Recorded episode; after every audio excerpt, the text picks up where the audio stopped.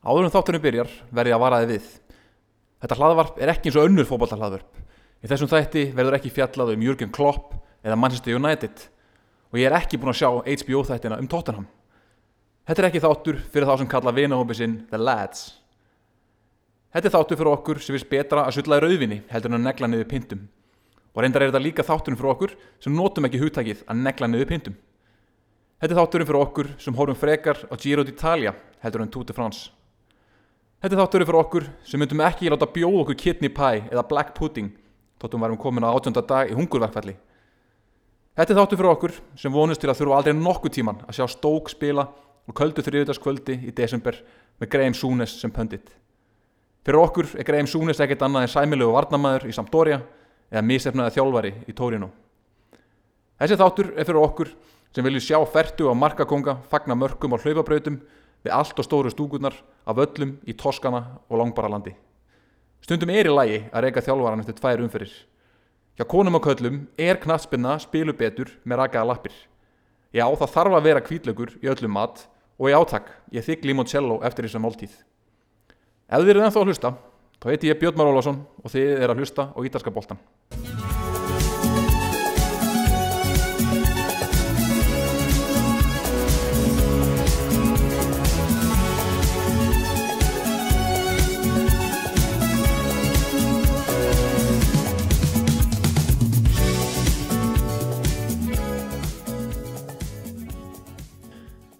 Ég veitur þá ætla ég að vera með ykkur með reglulega þætti um ítalska boltan þar sem ég ætla að fara yfir það sem gerðist e, í hverri viku. Fyrir hans yfir leikina, fyrir yfir helstu sögulínurnar. E, ég ætla líka að fara yfir Íslandingahotnið það eru þetta nógu Íslandingum sem að spila bæði í serju A og líka þetta í, í fallegustu deildinni á Ítalju, í serju B sem er núna orðin aðal deildin, sínist mér. Ég ætla að fara hans yfir hérna, félagaskipti landsleiki hjá Ítalju til að gefa gullnu ruslatununa í hverju einsta þætti. Og uh, já, mögulega fara aðeins yfir líka svona gamlar hetjur og kritið aðeins með hluti sem að rifja upp skemmtilega hluti sem að við þekkjum öll frá Ítalíu. Það er einhverja spurningar þá bara endilega hafið samband við mig uh, á Twitter. En það séu öllast, hann er gott að það hefur spurningar um einhverja leikmenn eða einhver sérstök lið sem þið viljið vita meir um nú eða bara einhverja reysutips ef þið eruð að fara til Ítalíu eða að fara á leiki þá bara endilega hafið samband og ég get þá tekið upp hérna í þættinum. Þessi fyrsti þáttur verður uppbytuna þáttur þar sem ég ætla að fara yfir öll liðin. Uh, ég ætla að byrja á botnirum fara yfir sem sagt nýliðana síðan fer ég í liðin sem að verða í svona rétt sleppaði bótbaratuna liðin sem eru í miðjubaratunni svo bestu héraðsliðin uh, liðin sem að munu berjast um Evropasætin og síðan í lokin fara yfir toppbaratuna Í lokin munir síðan fara yfir Íslandingana uh, og hver staðan er á þeim, uh, í hvaða liðum þeir eru uh, og hvort það líklegt sé að þeir munir spila þessu tímabili og svo munir við þetta fylgjast með því líka ef það kemur einhver leikmaður í kvennadeldina á Ítalíu eins og hefur verið já, talsveit af undanferðan ár en okkur átt núna er því miður engin en hérna, við vonumst við að, til að hérna, það munir einhver kona taka skrefi til Ítalíu á komandi vikum. En við skulum bara byrja að, að yfirferða okkar yfir liðin í serju A á þessu ári. Deildin er byrjuð eins og sagðan uh, og fyrstu koronasmittin eru komin upp í serju A. Og það voru leikmenn Genoa sem að smituðist og spiluðu með, með vírusin í leik gegn Napoli. Uh, leikmenn Napoli hafa núna farið í, í, í skoðun og, og reyndust ekki smitaðir. Fyrir heldur fyrir utan eitt leikmann. En deildin heldur að það áfram, það eru engir áhörvendur en þá á Ítalíu þannig að við sem viljum komast af völlin þurfum að býða aðeins lengur eftir því en uh, annars er ástandið á Ítalíu bara þokkalett núna. Þetta er auðvitað Ítalíu að lendi hrikala ítla í því uh, þegar vírusin skall á til að byrja með. En, hérna, en ástandið er talsveit betra núna og það er talað um að hægt og róla að byrja að fjölga áhörundu núna frá og með oktober þannig að það er bara vonandi að við getum sem allra allra fyrst drifið okkur til Ítalíu til að komast á leik. Það er ennþá grímuskylda á mörgum stöðum fyrir þá sem er að ferast til Ítalíu. Mjög umdelt eins og við annar staðar það er þó ekki allir á eitt sáttur með þessa grímuskyldu og ég lasi þetta mis núna í, í síðustu viku við tal við borgarstjóran í e, bænum Sutri á Ítalíu sem heitir Vittorio Scarpi. E, þessi borgarstjóri var mjög mikið á móti grímuskyldu. Hann var svo mikið á móti grímuskyldu að hann vildi sekta fólk fyrir að nota grímur. Þannig að það getur rétt ímyndað ykkur að ástandi er mjög mismunandi á Ítalíu og milli, milli borga og milli e, svæða. Og ekki allir sáttir með þessa, þessa grímuskyldu sem er í gangi. En, hérna, en deildin á þannig að að stað uh, liðin verða að fylgja ströngum reglum til að hægt sé að spila leikina. Uh, og fyrir utan þetta eina hópsmitt í Genoa sem, og það er búið að fresta leikjunum hjá Genoa næstu vikur. En fyrir utan það þá hefur, hefur deildin farið nokkuð áfallarleist að stað. Við skulum bara byrja á yfirferðin okkar yfir liðin sem að komu upp úr serju B að þessu ári. Og það eru af þessum uh, þremur liðin sem komu upp þá eru tvö lið sem við þekkjum uh, sem hafa verið í deildina á síðustu árum og eitt lið sem er að koma upp í fyrsta skipti í sögunni. Og það er liðið Spezia. Og liðið Spezia er auðvitað íslendingalið. Uh, Sveitnaran Guðjónsson spilaði með Spezia í fyrra í, í serju B. La Spezia er auðvitað borg eins og margir íslendinga þekkja. Við höfum heimsótt svæðið þar sem La Spezia er í, í massavís síðustu ár. Margir íslendingar þekkja hérna, bæina Cinque Terre hérna fimm bæi á Ligúriuströndinni uh, og hafi gengið þarna þessar fræðu gungulegðir á milli bæjana Monterosso, Almare, Vernazza, Corniglia, Manarola og Rio Maggiore. Og ég held ég að við séð Instagram myndir af bara eiginlega öllum sem eru með Instagram í þessum, þessum fimm bæjum. Ég sjálfur farið þarna og þar komst ég reyndar að því að gungustíðurinn á milli þessara bæja er að mörguleiti hrunin. Þannig ég veit að láta mig næja að taka lestina. La Spezia er strandbær, ekkert langt frá Genoa sem er auðvitað stórborg í norðvesturhóttninu á Ítalju, mikil hafnaborg. Og uh, já, þú vilt heimsækja La Spezia þá, segi, þetta finnur ekki bæ í serju A sem er kannski með fallera umhverfi heldur en Spezia. Sveitnaran Guðarsen, eins og segja, hann spilaði með liðinu á síðasta tímabili í serju B. Hann spilaði nokkra leiki var ekki fastu byrjulegismæður en spilað þá nokkru leiki og átti hlut auðvitað í því að koma liðinu upp. Eh, en hann verður ekki með liðinu á næsta ári því miður, hann eh, er núna að spila í Danmörku og við Íslingar höfum áður átt leikmar sem að leik með Spezia því að eh, Hörðubjörgvin leik með Česka Moskva, hann leik með félaginu á árunum 2013 til 2014 í bíeldildinni Spezia er með gríðarlega ríkan eiganda. Hann heitir Gabriele Volpi og er eldgamall ítalskur Uh, viðskiptamæður, vítalskur og nýgerískur viðskiptamæður sem hefur auðgast gríðarlega á, á óljuvinnslu og, og óljuþjónustu fyrirtækjum hann uh, er sjálfur frá bænum Rekko og uh, Íslingarnir sem hafa ferðast um strendur líkúriu þeir þekkja það að Rekko er hafnabær ekkit mjög langt frá Spezia milli Spezia og Genoa hann á knastmyndufélagi Spezia hann á líka félagið Pro Recco sem er sundknallegslið frá heimabænum hans, Recco og er eitt besta sundknallegslið heims. Eh, það er lið sem spilar í Final Four í, í eh, meistradeldinni í sundknalleg á hverju einasta ári og það er hans hjartans lið. Hann leggur mesta áherslu á þetta sundknallegslið eh, Recco, Pro Recco og ef þið farið til Recco þá sjáu þið að við stöndina er risastór íhrjóðavöllur með flóðlösum flóðlösum úr öllum áttum og myndi að halda að þetta væri knaspundumöllur en þetta er risastór sundlug, útisundlug með uh, flóðlýst það sem að liðið uh, æfir uh, eða æfir þá ekki bara í sjónum í hafnækarinnum í Rekko Þjálfæri liðsins er Vincenzo Italiano og hann er mjög adrisverður fyrir margar sagir þessi Vincenzo Italiano er reyndar fættur í Þískalandi annað en nafnið gefið til kynna. Hann leik á sínu tíma í Serie A sem miðjumæður hjá Kievo Verona og var svona sæmilegu miðjumæður en hefði geta orðið ennþá betri ef að lífverðnið hans hefði verið betra á sínum tíma en síðan fór hann í þjálfun og þar hefur leiðin hjá hann um leið heldur betur upp á við. Fyrst fór hann upp úr serju D með pinkurilla leiðinu Arcignano Valcampo frá Vincenza. Um leiðuði komist upp í serju C þá yfirgaf hann leiðið og tók við leiðinu eh, Trapani sem er frá lítill bæra á norðvestur hotni sikilegar um, hann kom þeim upp með umspili gegnum umspili í, úr serju C og ég var það sjálfur á pöllunum að syngja og tralla þá upp úr serju C á sínum tíma uh, á Sikilega 2019 uh, eftir að hann komum upp í serju B þá yfirgaf hann lið aftur og tók núna við Spezia og í fyrstu tilhörun kom hann þeim upp úr serju B í serju A. Að hann hefur farið upp með þrjár deildir á þremur árum með þremur mismöndi liðum. Þannig að hann, það er ekkit sklengan undra að hann þykji efnilegasti þjálfarin á Ítalíu í dag. Uh, og það kom mörgum mjög óvart þannig að komist upp með Spezia vegna þess að þeir voru ekki með sterkasta leikmannahópin þannig að uh, það kemur mér mjög óvart ef hann er ennþá, ennþá þjálfari Spezia á næsta ári annarkort eða falla, hann er að taka við öðru liði eða ef hann er að halda þeim með þennan leikmannahóp sem þeir eru með þá er það náttúrulega algjört algjört afreg þannig að mér finnst mjög líklegt að, hann mun ekki að hann muni, muni fá stærra tækifæri á næstu árum. Og eiginlega kemur pínu óvart að hann hafi bara ekki nú þegar fengið það. Spezia er ekkert með neitt sérstaklega sterka leikmenn eins og ég segi um, það er það kannski helst að nefna uh, búlgarski framherrin uh, Andrei Galabinov sem er prúin markaskorari í serju B. Uh, hefur búin að auðsa inn mörgum þar í mörg ár fór upp með núna, var það sem held Sveinaráni á bekknum. Uh, það flesti byggustu því að hann myndi yfirgefa liðið og myndi halda áfram að spila í serju B því að það er það sem hann þekkir og það er það sem hann kann að skora mörg hann fór með þeim upp og í fyrstu tveimur leikjörum er hann búin að skora þrjú mörg og er þann með markahæstur í serju B eins og staðan er akkurat núna.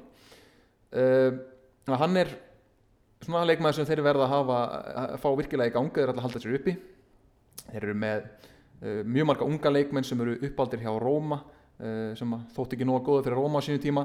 Elio Capradossi er varnamæður uh, þeir eru með Markitsa sem er annar varnamæður uppalinn hjá Róma stærstu kaupin fyrir tímabilið var bakverðurinn Jakob Sala sem kom frá Spal sem hefur einslu úr serju A bæði frá Sampdoria og Spal. Uh, Jakob Sala er uppalinn hjá Chelsea þannig að hann er, er eitthvað í hans bunni hann er svona sæmilegu bakverður um, Mið, uh, fyrirlið þeirra er Claudio Terzi sem á líka yfir 100 leiki fyrir Bologna í ægstudeld og er svona sá sem á að halda vörninni saman. Uh, þau kaup sem að koma mest á óvart eru auðvitað markmaðurinn Jeroen Soet uh, hann kemur frá PSV í Hollandi og hefur spilað meðal annars fullt af landsleikjum fyrir Holland. Hann var stórt að þeir myndi sæna, sæna hann uh, og eiginlega enginn skilur af hverju hann valdi að fara til Spezia. Um, en hann mittist núna í, í öðrum leiknum sem þið spiluðu og það virtist tókna fyrir eitthvað illa þannig að það er spurning hvort að, hvort að hann muni eitthvað spila með þeim á næstunni. Um, svo fenguðu snöggan kampmann Kevin Agudelo frá Geno sem er líka reynslugur auðstudild en um, ef það er eitthvað sem á að halda þeim uppi þá er það kannski ekkit endilega einstaklega leikmenn heldur er þetta uh, þessi þjálfa, er þetta bara þjálfara afreg hjá Vincenzo Italiano. Hún tekst að búa til gríðalega sterkan hóp Uh, hann rætur uh, liðið það verst djúft og leikmenn eru tilbúinu til að berjast fyrir einhvern annan spila með svona, þrjá mjög hreyfanlega uh, miðjumenn sem allir eru vel spilandi stóran target striker sem getur haldið boltanum og síðan bara grjótarða varnamenn sem að, sem að leggja það ekkert fyrir sig að, að verjast bara heilu háleikana þannig að þeir ekki að með mjög óvart ef þeir að halda þessu uppi. Ég spái því eiginlega að þeir munu enda bara í, í, í fallseti spurning hvaða fallsetið er endi en en það, það væri með ólíkjundum með þeim myndu ná að halda sér uppi og þá, þá heldur betur að koma tími fyrir Vincenzo Italiano til að, hérna, til að skiptum lið og fá eitthvað aðeins starra og meira áhugaverðara verkefni Lið nummið tvö að þessum nýliðum sem við ætlum að skoða það er lið Crotone sem kemur frá Suður Ítalju frá borginu Croton alveg syðist á appininu skaganum undir ylinni á stígvilinu Ítalju cirka það sem að fara alltaf blöður þegar maður er búin að hlaupa á lónt Borgin Kroton er heldur betur í mafíu suðrinu, það er ekki að segja hana héræðið sem að liðið er í, Calabria er auðvitað þekkt fyrir að vera heimasvæði Ndrangheta mafíunar sem er einn svo öflugasta í landinu og er einn svo öflugasta í, í heiminum. Uh, talið er að umsvið þessar Ndrangheta mafíu sé um 3% af verkli landsframleiðslu í Ítalju það segir svona sitt um hérna, stærðin á þessu. En Borgin Crotone og raunin allt Calabria héræðið, þetta er eitt fátakasta svæði á Ítalju það er gríðalegt atvinnuleysi og miklu herri en við þekkjum á, á norður, í norður-Európu það voru stóra versmiður sem heldur borgin á lífi á síðustöld en á síðustu 20-30 árum hefur þessum versmiðum verið lokað og, félagslegu vandamálinn hafa bara aukist Það segir talsvert um þetta grátónlið að eh, fyrir um fórseti liðsins Gianni Vrenna er auðvitað einn þekktasti mafjósin á Suður Ítalju var hann sínum tíma að banna að vera fórseti liðsins þannig að hann þetta segja af sér og við tók bróður hans Rafaele Vrenna sem er þó eh, líka með í svipuðu málum og, og, bróðurinn Gianni. Um, fyrir nokkrum árum hákað anti-mafíulauruglana kyrrsetti allar eignir þeirra bræðra. Alls, alls áttu þeir um 800 miljónir evra í, í eignum uh, og var þá meðal annars átt að kyrrsetja knastbyrnufélagið Crotone þannig að þetta er uh, knastbyrnufélag sem er súrað inn í, í alls konar vandamál. Liðið hefur nokkuð sem farið í gjaldrót og verið stopnað aftur en hefur gengið vel síðustu tíu ár og þeir komast upp í, í efstu deild fyrir uh, fimm árum síðan og heldur sér upp í tvö ár.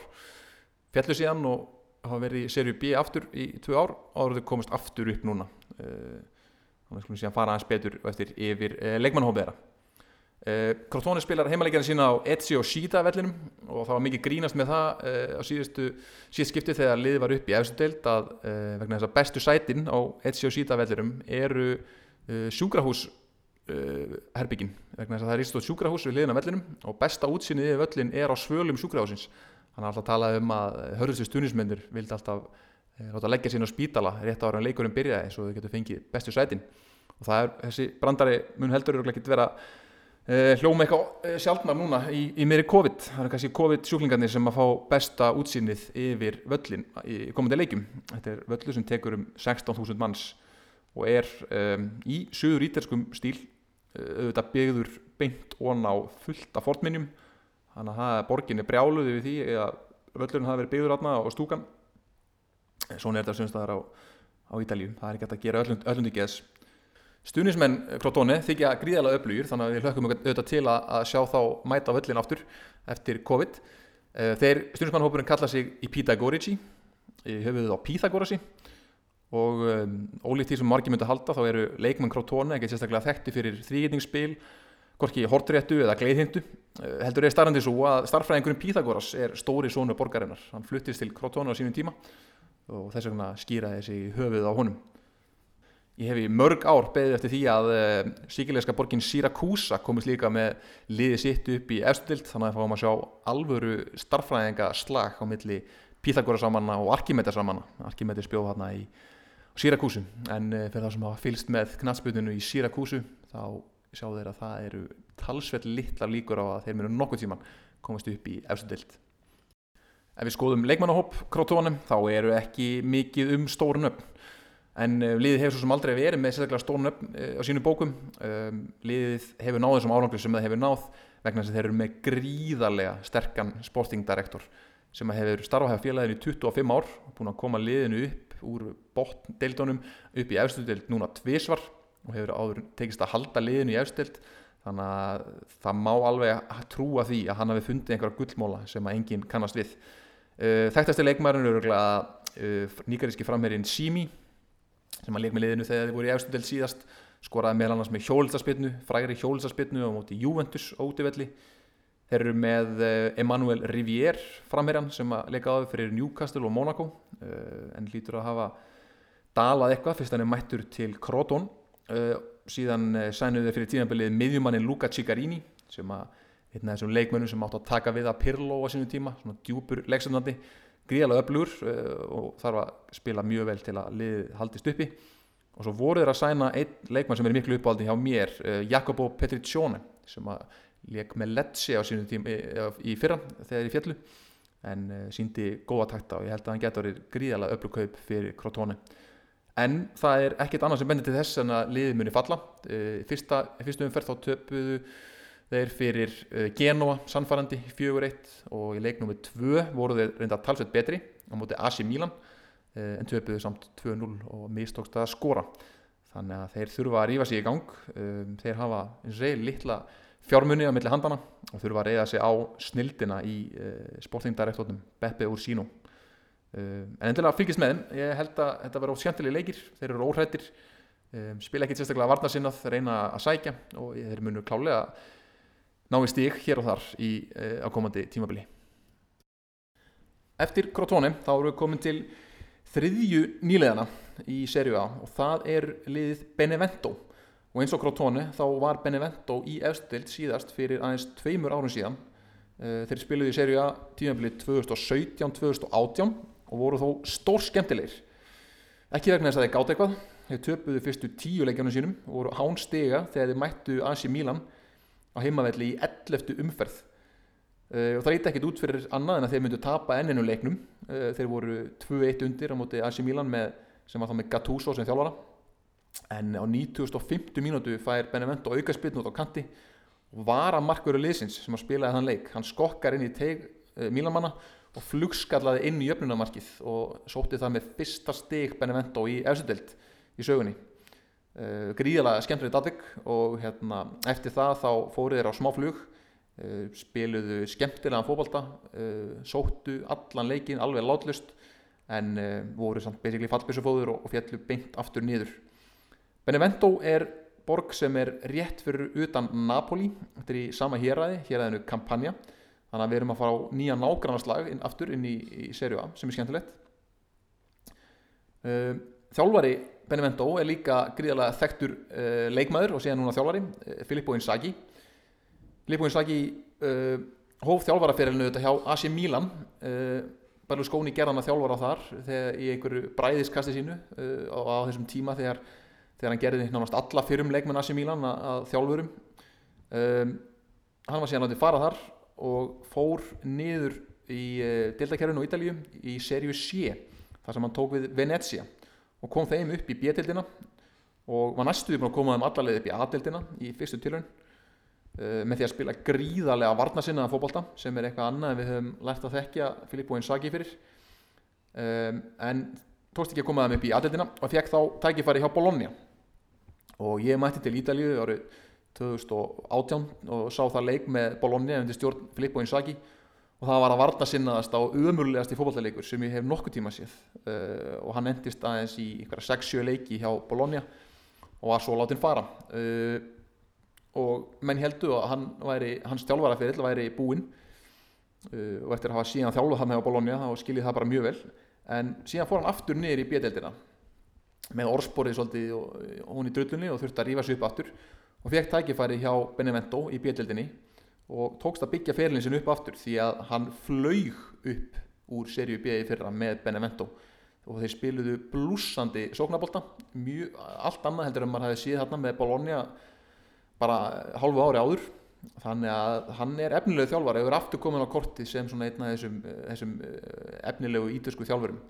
Uh, hann auðvitað var miklu þekktari leikmaður heldur en bróðu sinn uh, Simone Inzaghi sem að spilaði með Lazio og þjálfa nú Lazio en það er Simone hérna, sem að yfir, yfirhöndina það kemur á þjálfun því hann er náttúrulega frábæra árangri með, með Lazio. Og nú er, höfum við aftur tvo Inzaghi bræður sem er að þjálfa í austild á Ítalíu. Uh, rauninni þessi 2006 heimsmeistara árgangur Ítalíu þar eru mjög margir leikmenn sem eru nú að þjálfa. Fyrir utan Filippo Inzaghi þá er þetta Alessandro Nesta að þjálfa í serju B Fabio Cannavaro er að þjálfa Massimo Otto hefur þjálfað í serju A Gattuso, Pirlo Fabio Grosso og Simone Barone uh, leikmanni sem engin mann eftir úr þessu heimsmyndstaraliði hann er úlingaþjálfari hjá Sassuolo. Síðan er þetta Buffon að spila ennþá. Totti er orðin umbósmaður og lífskunstner Luca Toni er að taka þjálfarnámskeið og það einhvern veginn virðist ganga mjög vel hjá þessum heimsmyndstara árgangi í Ídalíu fyrir utan einn leikmann og það er auðvitað Vincenzo Iaquinta sem komst í kasti laugin eftir að hann hætti í fókbalta og hann gemdi, hérna, handekinn og dæmdur fyrir að geima ólögleg vopn fyrir frænda sinn sem er auðvitað mafjósi í Ndrangeta mafjóni en eins og ég, þannig að það eru margir spennandi þjálfarar að koma upp úr þessari 2006 kynnslóð hjá Ídalíu og hérna, það er gaman að sjá þið fá menn þá fleiri á, á næstu árum. Uh, síðast þegar Benevento spilaði efstild þá eins og segi, spiluðu mjög skemmtilega bólta þótt að hafa nú verið algjört fallbísufóður og þeir sænuðu mjög skrítna leikmenn upp úr þurru. Uh, franski bakverðurinn Bakari Sanja sem að það með Arsenal hann snýr aftur eftir að vera hættur í fókbalta og uh, vildi bara prófa nýtt æfintýri og sænaði fyrir Benevento þá. Sandro, brasilski miðumæðurinn sem spilaði með Tottenham hann reyma á sig skóna aftur og, og fótt í Benevento. En núna hafa þeir farið aðeins svona vallega í leikmannakaup. Þeir eins og ég er að fara upp um deild í annarskiptið og núna held ég að þeir séu búin að læra hvað þarf að gera til að halda sér upp í austild þeir sænuðu framherran Lapadula sem að uh, á fortíði AC Milan og leik með Lecce í fyrra. Þeir eru með miðvörðin Kamil Glick sem að fóru auðvitað með Monaco í undanúslit meistaradeildarinnar fyrir nokkrum mánu síðan. Gríðarlega harður miðvörður. Um, þeir eru með Gianluca Caprari sem er lítill, og, og trikki kantmaður sem kemur frá Sampdoria. Artur Ionita sem við Íslingar þekkjum vel uh, miðjumæður frá Moldavíu sem hefur spilað með Cagliari á síðust árum. Uh, Massimo Cota sem er framherjinn sem kom þeim upp úr serju B er enda farinn. Ég veit ekki alveg af hverju hérna, þeir, hann skoraði helling í, í serju B en hann kann vel við sig þar og fór aftur niður í, í, í serju B Fyrstileikur Benevento í efstild, hann uh, lofaði gríðalega góðu. Þeir unnu Sampdoria 3-2 eftir að hafa lent 2-0 undir og spiluðu bara mjög flottan bolt- bolta. Og hérna, allt leit mjög vel út fyrir Simóni Inzaghi, nei fyrir Pippo Inzaghi. En uh, í leiknum 2 þá mættu þeir Inter á heimavelli og þar var basically valtaði verða uh, þeir reynda að pressa hátt það gekk mjög illa. Uh, Hakimi nýja leikmaður Inter uh, spilaði á hæri kantinum og hann fór rosalega illa með, uh, með Barba vinstri bakurinn hjá uh, Benevento sem að mætti til leiks í svörtum lottóskóm með grænamerkinu vel girtur bakurður og húnum var skeint svo illa að húnum var skipta velli eftir 37 mínútur. Þannig að þeir þurfa aðeins að stilla varnarleikin en sóknarlega þá skoruðu þau tvö mörka mútið Inter og töpuðu endanum 5-2 þannig ég held að við munum fá að sjá skemmtilega leiki hjá Benevento í ár og þetta er bara vonandi að þeir ná að halda sér með hennan eins og Pipo Inzaghi og nokkra spennandi leikmenn líka Eftir þessi þrjúlið, þess að þrjú, uh, þrjá nýliða sem verða sennilega í, í botbaratu í, í vetur, þá erum við komin að næstu liðum. Það eru Genoa, Sampdoria, Verona og Udinese. Þetta er liðin sem að munum verða í algjörum stólaleik í, í vetur og bara spurning hvar þeir verða þegar uh, tónlistin stoppar í vor og uh, hvort þeir standi við stóli eða ekki.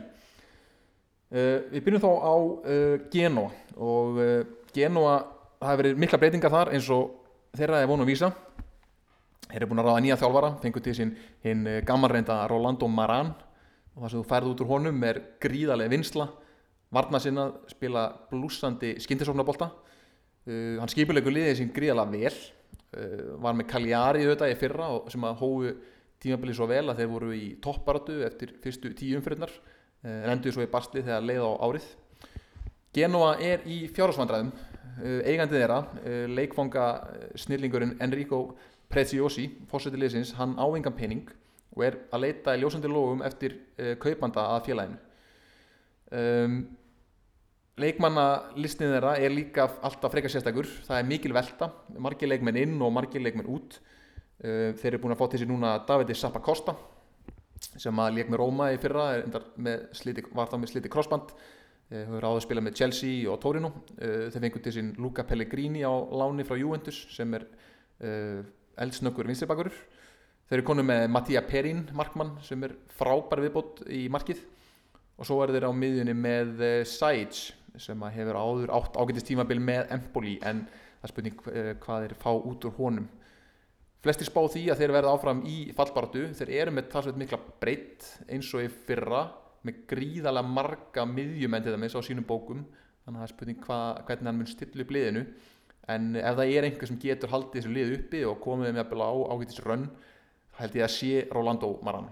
Og maður vill hafa Genoa Sampdoria í efsutild maður vill hafa Derby de la Lanterna nákvæmlega slægin Genoa Sampdoria í efsutild það er gríðarlega stemning á Luigi Ferraris vellinum. Fyrir þá sem eftir COVID vilja fara til Ítalíu til að upplifa alvöru nákvæmlega slag og er ekki hægt að mæla nægilega mikið með þessum, þessum velli. Gríðarlega fallegu völlur. Um, og já, alltaf stemninga þegar þessi tvö lið mætast. Næsta lið á eftir Genoa sem er í sama flokki þar er ég með Udinese. Og hjá Udinese er eins og síðasta, allt síðasta ár það er ekkert að frétta það er alveg hægt að loka liðinu bara og slökka ljósin nánast. Þeir missa eitt af sínum bestu miðjumönnum Seiko Fofana sem hefur verið svona miðjumótorinn hjá þeim síðustu ár. Hann nennir þessu ekki lengur og er að leita sér að öðru liði ef hann er ekki nú þegar komið með það. Eigundunir, eigundurlýsins eru Potts og fjölskyttan sem að eiga auðvitað Votford líka og áttu Granada á Spáni, þeir hafa enda selt það. En öll áherslan er á Watford og það er mjög lítið af spennandi leikmennum fyrst mér að koma inn hjá út í nesi það eru ungi leikmenn, þeir voru þekkti fyrir að vera með gríðalega gott scouting network og fengu það til sín unga leikmenn sem þeir gotu selt dýrt en það er bara liðið svolítið langt síðan þeir síðast fundu einhvern demant og, og, og, hérna, og seldu á mikinn pinning þannig að þeir að verði í bóttbaratu í, í nokkur ár núna og einhvern veginn bjarga sér verið klauvar uh, þjálfari liðsins er auðvitað maðurinn með mafjunafnið Luca Gotti. Hann, hún var búið jobbið á síðast tímanbili hann tók við tímabundið og búið aðaljobbið frá með núna í, í ár. Og hann vildi ekki jobbið og tók hálft ára að sannfara mannin um að taka við liðinu. Þannig að það segir kannski svolítið um hvernig ástandið er í klubnum uh, þeir eru með einn góðan leikmann, einn stjörnuleikmann sem hefur verið orðaði burtu linnulaust frá félaginu og það er hérna, Rodrigo de Paul uh, verið orðaði mikið við Leeds uh, frábær leikmaður, leikmaður í argentinska landsliðinu gríðalega teknískur, góður á boltan, góður skotmaður og í þessum leikjum sem ég séð með út í nesa þessu tímanbili það ef hann gerir ekki hlutina þá gerast þér ekki í örhauð hann er póturinn og pannan í þessu liði og ef þeir ætla síðan að reyna að selja hann þá þurfa þeir að fara að eigða öllum peningum sem þeir fá í að kaupa leikmenn því að annars býður þeir að bara ekkert nema botbaráta þeir spila með klassiska stór og lítill kombóið upp á topp uh, eða eins og ég kalla aðarréttur eftirréttur kombóið það er uh, lasagna og kaka um hvorur verið samfærandi í þessum fyrstu tveimur leikum klúður að færum alveg hægri vinstri uh, og þeir töpuð núna í síðasta leik á móti Spezia og Spezia var með manni færri í hálftíma þannig að það er ekki margt sem bendir til þess að þetta verði spennandi tímabil hjá út í nesu þannig að það, það þarf ekki að gerast og það þurfa leikmenn að koma inn bara ekki setna en núna. Nú, næsta lið á eftir út í nesu það er lið sem að flesti þekkja, Sampdoria. Lið sem var í uppvaldi á mörgum með Ruud Gullit og Roberto Mancini Pagliuca, Attilio Lombardo Gianluca Vialli og Walter Senga Sinisa Mihailovic og síðan Gianpaolo Bazzini uh, liðið er eins og uh, hitliðið frá Genoaborg þeir eiga engan pening fósættir liðsis á ekki krónum í gati. Uh, þeir eru ennþá með Claudio Ranieri við stjórnvölin hann tók við þeim eftir sjö leiki í fyrra og bjargaði þeim frá falli, freka þægilega með því að bara innlega sitt klassiska 4-4-2 kerfi spilaði með vinnusama miðjumenn og hann var með miðjumenna eh, Albin Ekdal og Morten Túrsby all skandinaviska miðju eh, sem að sá bara um að sópa upp. Og svo bara var boltanir sparka fram á Qualiarella sem að sá um restina upp á topp og þeir hafa verið að bæta við sig leikmennu núna síðustu daga. Þeir hafa verið að sæna Antonio Candreva hæri kantmann frá Inter sem ég held að getur reynst þeim gríðalega vel. Hann er svona, þótt að sé kannski komin svolítið á aldur þá er hann kraftmikill uh, með góðan, góðan fyrirgjafafót og ég held að það hendi mjög vel þessu samtóri að liði. Og síðan voru þeir að sæna uh, Balde Keita sem er uh, gammal efnilegu leikmaður sem ólst upp á Lazio og hefur spilað sér með Monaco og Inter. Hefur átt í svolítið bastið síðustu ár en það býr mikið í honum. Þannig að ef hann ef þeir hannæsir á stryk hjá Sampdoria þá getur hann klálaði að verið svona stjarnaliðsins sem sem tekur svolítið við á Quagliarella. Því að Quagliarella er náttúrulega orðin e, talsveit gammal og óvist hvað er þetta e, reikna með honum í marga leiki. Þessi svona 38 ára núna í ár en hérna, já, það er e, þeir eru þá allan að reyna að fjárfesta til þess að halda sér uppi, til að koma í vekk fyrir að þeir endi í um, fallbarátu aftur þeir byrjuðu þetta uh, hræðilega, það töpuðu fyrir Juventus 3-0 í fyrsta leik En núna í gerðkvöldi þá mættu þeir uh, Fiorentína og unnu sterkan 2-1 sigur. Að það er eitthvað í þessu liði. Það er, ef það er einhver sem getur haldið þeim uppi þá held ég að sé klálega uh, Claudio Ranieri. Þá erum við komin að liði Verona. Og Verona er auðvitað liði sem var spútniklið í fyrra. Spiluðu langt yfir væntingum uh, undir stjórn þjálfarhans Ivan Juric. Uh, Juric er fyrir um aðstofamæður Gasperini sem að þjálfar Atalanta og hefur svipaða hugmyndafræði þegar kemur að fókbalta og eh, Verona voru nýlegar í deildinni fyrra ég bjóst við að þeir eru í fallbaróttu og það voru rauninni flesti sem að byggast við því að þeir eru í harðri fallbaróttu en þeir bara spiluði lontuði vendingum og enduðu í nýjunda eða tíunda seti vandamálið er að, er að þeir hafa mist fullt af sterkum leikmönnum og hafa ekki bætt við sig uh, því sem upp á vandar þeir mistu kannski eitt besta miðjumannin í deildinni fyrra Sofian Amrabat til Fiorentína Þeir mistu miðvörðin Rahmani til Napoli sem var stóð sem greiðlega vel. Þeir voru að missa miðvörðin Kumbula, 19 ára efnilegu miðvörður til Róma um, og hafa ekki bætt við þessi leikmennum sem hefa hafa sama upside og þessi leikmenn þeir mistu. Þeir hafa aðlægast í verið að bæta við þessi miðju og framherjum uh, þeir hafa fengið til sín uh, Marco Benassi frá Fiorentína sem er gammal reyndum miðjumæður en hann er kannski ekki leikmæður sem bætir einhverju miklu krytti við leikverða og síðan kannski leikmæður sem ég hef meiri trú á sem er Antonín Barak sem er stór slánalegur leikmæður sem har spilað með Lecce í fyrra og er kannski lúmskasti leikmæðurinn í serju A. Gríðilega skemmtilegur á að horfa uh, og ég held að hann geti svona slegið gegn í þessu Verona liði en ef þeir ætla, ætla sér einhverja, hérna, uh, einhverja bætingu frá því í fyrra þá er það klálega Ivan Juric sem verður bara að uh, búa til lið úr því sem hann hefur. Því það sem hann hefur er ekkit sérstaklega áhugavert. Og ég efast um að uh, hlutinni gangi eins vel upp hjá Verona og þau gerðu í, í fyrra þeir hafa eins og ég selt leikmenn þannig að þeir eiga kannski eitthvað pening til að styrkja liðið. Uh, hversu mikil vilji er til fjárfestinga hjá Verona veit ég ekki. En uh, já, það verður spilað flottu bolti, það verður spilað pressa hátt uppi. Þannig að Verona er klálega lið sem að ég mæli með því að, að fólk horfi á eða er alltaf að horfa á leiki í serju á þessu tímabili. Þetta voru þessi sjölið sem eru stödd niður í helvíti serju A, niður í kjallaranum þessi sjölið sem hunu berjast um það að falla ekki úr deildinni. Og þá komið næstu þremu liðum sem að mætti segja kannski að séu í andiri helvítis. En þeir sem þekkja Dante og sögur hans um ferð hans til vítis þeir vita að andiri helvítis er sennilega versistæðurinn til að vera á. En þá verri enn helvíti sjálft. En í andiri helvítis eru bara lið eða einstaklingar sem að hafa aldrei tekið eindregna afstöðu í lífinu. Aldrei gert neitt svo slæmt að Guður efsið en fyrir það það eru þessi þrjú lið sem ég ætla að fjallum núna sem að sigla þennan svo kallega að ligna sjó. Og það eru Cagliari, Bologna og Parma. Og ég ætla að byrja á Cagliari. Cagliari eru konu með nýjan þjálfara. Í fyrra voru þeir með áðunendan Rolando Maran og þeir hófu tímabilið af miklum krafti. Voru í topparátunni fyrstu, eftir fyrstu tíu leikina áður en fór að Hallendan fæti hjá Maran og hann var á endanum reikin og inn, hérna, inn kom Valdir Senga fyrir markmaðurinn sem að við held að flestir þekki sem að hafa áhuga að fókbalta maður eins og maður deytaði Madonnu uh, veraldar vanur markmaður. Uh, honum gekk ekki vel með Cagliari uh, fekk að klára tímabilið með þeim en var látið fara eftir tímabilið.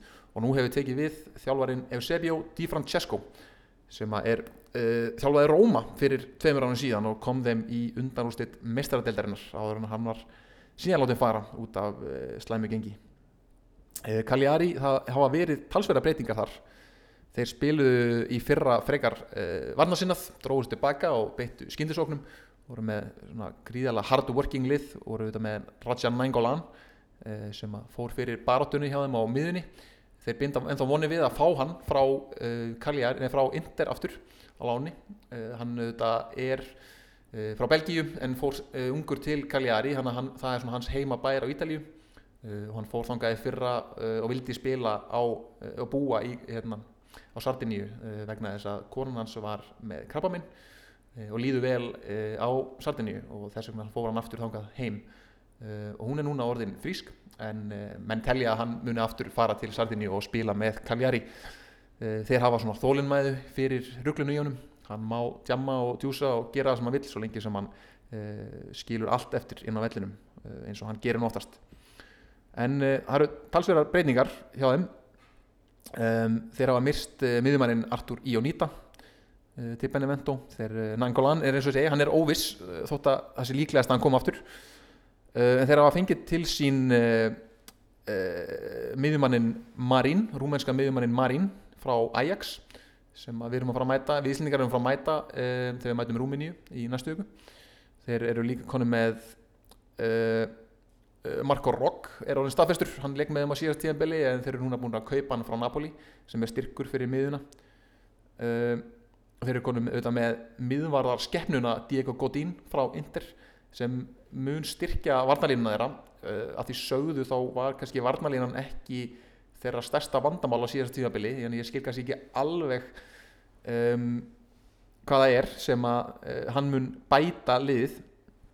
En að líklegast munið þeir spila með Eh, Godín í vörninni uh, og í sókninni er það Joao Pedro, brasilíu maðurinn sem að svona sló eiginlega gegn í fyrra í fyrsta skipti eftir að hafa leikið í mörg ár á Ítalíu, spila lengi með Cagliari þá var það kannski fyrsta og síðasta tíðafæli sem hann sló rækilega í gegn og, og varð svona einna af þessum mikilvægastu leikmunum liðsins. Uh, þannig að þeir eru með síðan með Giovanni Simeone upp á topp sem er auðvitað sonur Diego Simeone, þjálfur allinga Madrid. Þeir eru með kantmannin á láni Sotil sem kemur frá Fiorentina sem er efni uh, en sterkasti hluti liðsins er auðvitað miðjan. Þar eru þau meðan Marín sem kemur frá Ajax uh, vorandi Nainggolan Marco Rock og uh, Uruguayin Nandes sem að sló líka í gegni fyrra og er kannski að mínum að þið sá leikmaður sem að uh, Cagliari eiga binda mestar voni við. Ég held að þið getur selt hann til stórliðs á næstu árum fyrir mikinn pening. Hann minnir svolítið á Nangolan hann er rosalega kraftmikill uh, grjótarður og verst vel. En svo þegar hann spila framar á vellinu þá er hann bara líka með fullt, fullt af gæðum. Þannig að ég held að þessi Nandes sé leikmaður sem þeir eiga að binda miklar vonir við hjá uh, Cagliari. Að því gefnu að Nangolan komi og þeir svona náða aðeins að auka breyttina í liðinu þá held ég að Cagliari munu eins og ég sigla hennan frekar ligna sjó. Uh, en uh, þetta er ekki sérstaklega breyður hópur þannig að það má ekki mikið út að breyða uh, Eusebio Di Francesco gekk auðvitað frábælega með Róma á sínum tíma áður en fór Hallunda fæti. Hann þjálfaði síðan Sampdoria í fyrra og var reygin eftir sjö leiki og engan sigur. Þannig að hann hefur mikið að sanna og ég held að Cagliari hendunum ágætlega. En það má þá ekki gleyma því hann hefur mikið að sanna gegn mjög illa síðast, í síðasta þjálfaraðsjöpi þannig að það er ekkit, er ekkit sjálfgefið að þetta, þetta projekt hjá Cagliari muni ganga sérstaklega vel. Í sama flokki og Cagliari erum við með uh, Bologna.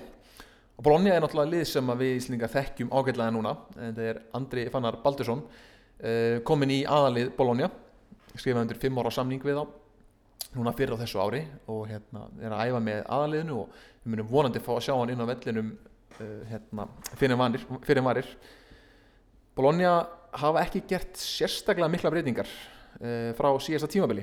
Þeir eru að treysta á unga leikmenn og þeir eru að treysta á hungraða leikmenn. Og ef við skoðum aðeins bara þessa leikmenn sem þeir eru með þá eru mjög margir í Bologna sem að þurfa að sanna sig.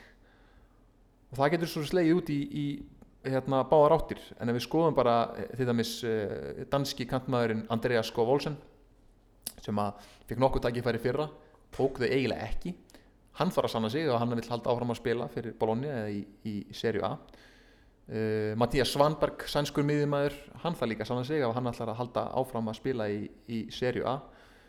Uh, þeir eru síðan með Orsolini uh, kantmannin, ítalska kantmannin það er Evropamót á næsta ári. Ef hann ætlar að vera í ítalska landsliðinu þá þarf hann að sanna sig. Mér finnst hann ekki hafa stíð upp í mikilvæða leikjum á síðustu árum. Og frekar svona farið svolítið í felur þannig að hann hefur alltaf sanna ef hann ætlar að komast í landsliðið og hvað þá ef hann ætlar að fá múf í, í, hérna, í þannig að já, það eru, eru leikmenn sem þurfa að sanna sig uh, í bland við gamla uh, vinnuhesta eins og Rodrigo Palacio framherran sem mun Eh, á þessum fyrstu leikjum lítur alltaf fyrir það. Hann mun áfram leiða línuna hjá þeim. Og það er bara alltaf jafn gaman að horfa hann hlaupa í channelin 38 ára gamlan og búa til og skapa fyrir aðra. Hann er náttúrulega, það eru gríðaleg gæði í honum. Og bara skemmtilegu leikmaður á að horfa. Og maður sér að hann þetta sé svona gamal, hann hleypur mest af öllum inn á vellinum hann er ekkert að spara sig, hann er vinnusemmin í honum er ennþá quality sem að, sem að Bologna hefur. Það eru líka aðri spennandi leikmenn. Uh, Tomiyasu er japanskur miðverður sem að hefur sem að AC Milan reynda að kaupa núna í, í sumar en þeir neituð að selja. Uh, hann er spennandi leikmaður. Síðan eru þeir konu með skoskan vinstrabakkurð Aaron Hickey. Glerharður skoti, beint frá Glasgow. Kemur þó ekki frá Rangers eða Celtic, heldur frá Heart of Midlothian The Hearts uh, þeir eru konu með Lorenzo De Silvestri í hægri bakkurinn sem eru þetta gríðalega reyndur klóku leikmaður uh, hámentaður lögfræðingur sem tala fimm tungumál. Uh, mér er okkur komað inn með mikla reynslu í hægri bakkurinn en þannig er þau með unga leikmenn eins og andra fannar sem að ég vona að fá í tækifæri í, hérna, í vetur. Þeir eru með janúar sænuður ungan hollending sem heitir Skjáten uh, sem að mér finnst mjög sprækur. Líka glerharður sá hann í einna sínum fyrstu leikjum þar sem hann borsaði miðuna í hálftíma og hann tók beint raut með einhverju rosalegri taklingu og síðan eru þetta með uh, kannski skemmtilegasta leikmannin í deildinni eða hannig, Gary Pitbull Medell sem stjórnar suður-amerísku klefastemningunni í suður-ameríska krúinu. Uh, þeir eru með uh, Argentínumannin Dominguez sem þeir kæftu líka í januar sem þarf líka sanna sig ef hann ætlar að eiga feril í, í serju A áfram. Sem ég mun keppa við andra fannar um stöðuna. Og svo eru þeir með í sóknarleiknum fyrir utan auðvitað Rodrigo Palacio þá eru þeir með Paraguayan Federico Santander sem er svona risastór uh, góðu skallamæður, sterkur. Og svo er þeir með kannski svona efnilegasti leikmæður í liðinu sem er uh, Musa Barrow sem kom frá Atalanta. Skoraði nokkuð mörk á Atalanta, fekk tækifæri en hafði ekki alveg levelið til að spila í, í kannski toppnum í serju A eða í, í meistarleldinni ennþá. uh, en hjá uh, Bologna var hann frábær á síðast tímanbili og ég bara hlakka mikið til að, hérna, að sjá hann springa út á þessu tímanbili uh, Bologna byrjaði þetta, þetta tímanbili á leika móti AC Milan. Það voru svo sem fínir en, en AC Milan voru kannski aðeins svo stór biti. Svo í leiknum með tvö þá mættu við Parma og þeir gera svona völduð yfir Parma og spiluði bara frábæra leik. Þessi skoti í vinstirbakgrunum Aron Hickey, hann var geggjaður. Rodrigo Palacio geggjaður og bara miðjan var flott þannig ég held að með við þann leik þá einhvern veginn fylgti sig svona aðeins meiri bjartsinni heldur en ég hafi gert fyrir tímabilið. Um, þetta eru leikmenn sem þurfa að sanna sig mikið á ungu leikmennum þá eru þetta alltaf hægt á að, að, að ef að illa gengur að, hérna, að liði brotni en, en með Mihailovits við stjórnvölinn þá held ég að hann á að halda þeim við efnið og, og leifa þeim leikmennum að spila hverju sinni sem, sem er að delivera inn á vellinum. Þannig ég held að þeim verður algjörlega að sleppa við, við botbaratuna og það er bara volandi þeir þetta sé ekki að séði ná að byggja á og ég held að samt eða, hérna, Bologna séu að líta til þess að geta síðan fara að selja unga efnilega leikmenn eh, til stærri liða á, hérna, á komandi missurum og þá komum við að Parma sem er lið sem að Íslandinga þekkja þetta gríðalega vel sérstaklega þeir sem að fylgjast með ídarska boltarum á tíunda áratöknum sem er núna búin að vera tvö árið dildinni eftir að hafa aftur komist upp úr neðri dildar dvölinni í lungu uh, fyrsta árið sem þeir heldur sér uppi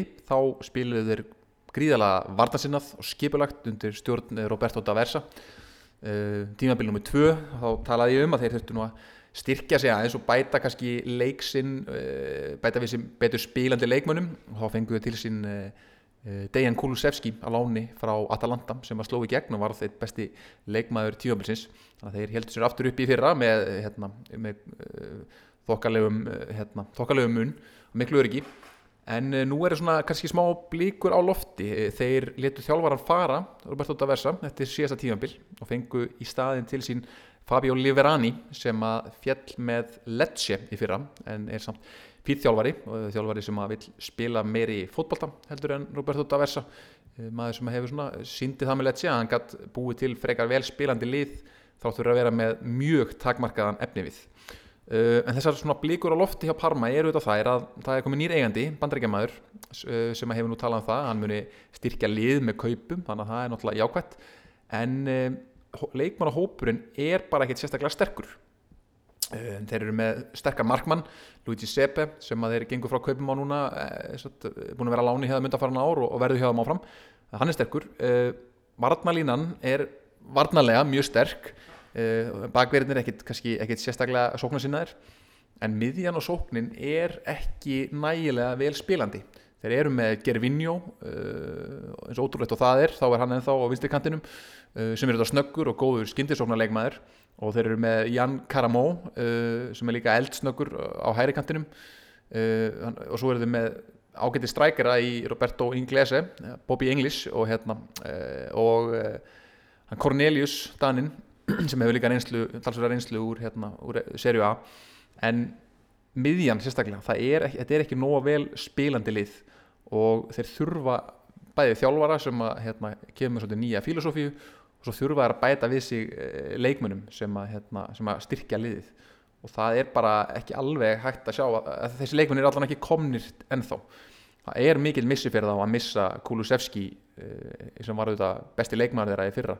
Og nú er bakverðurinn Darmian líka farinn til Inter. Eh, það er spurningum um hvort er hafa ekki bara seltan til þess að fá pening til að styrkja liðið.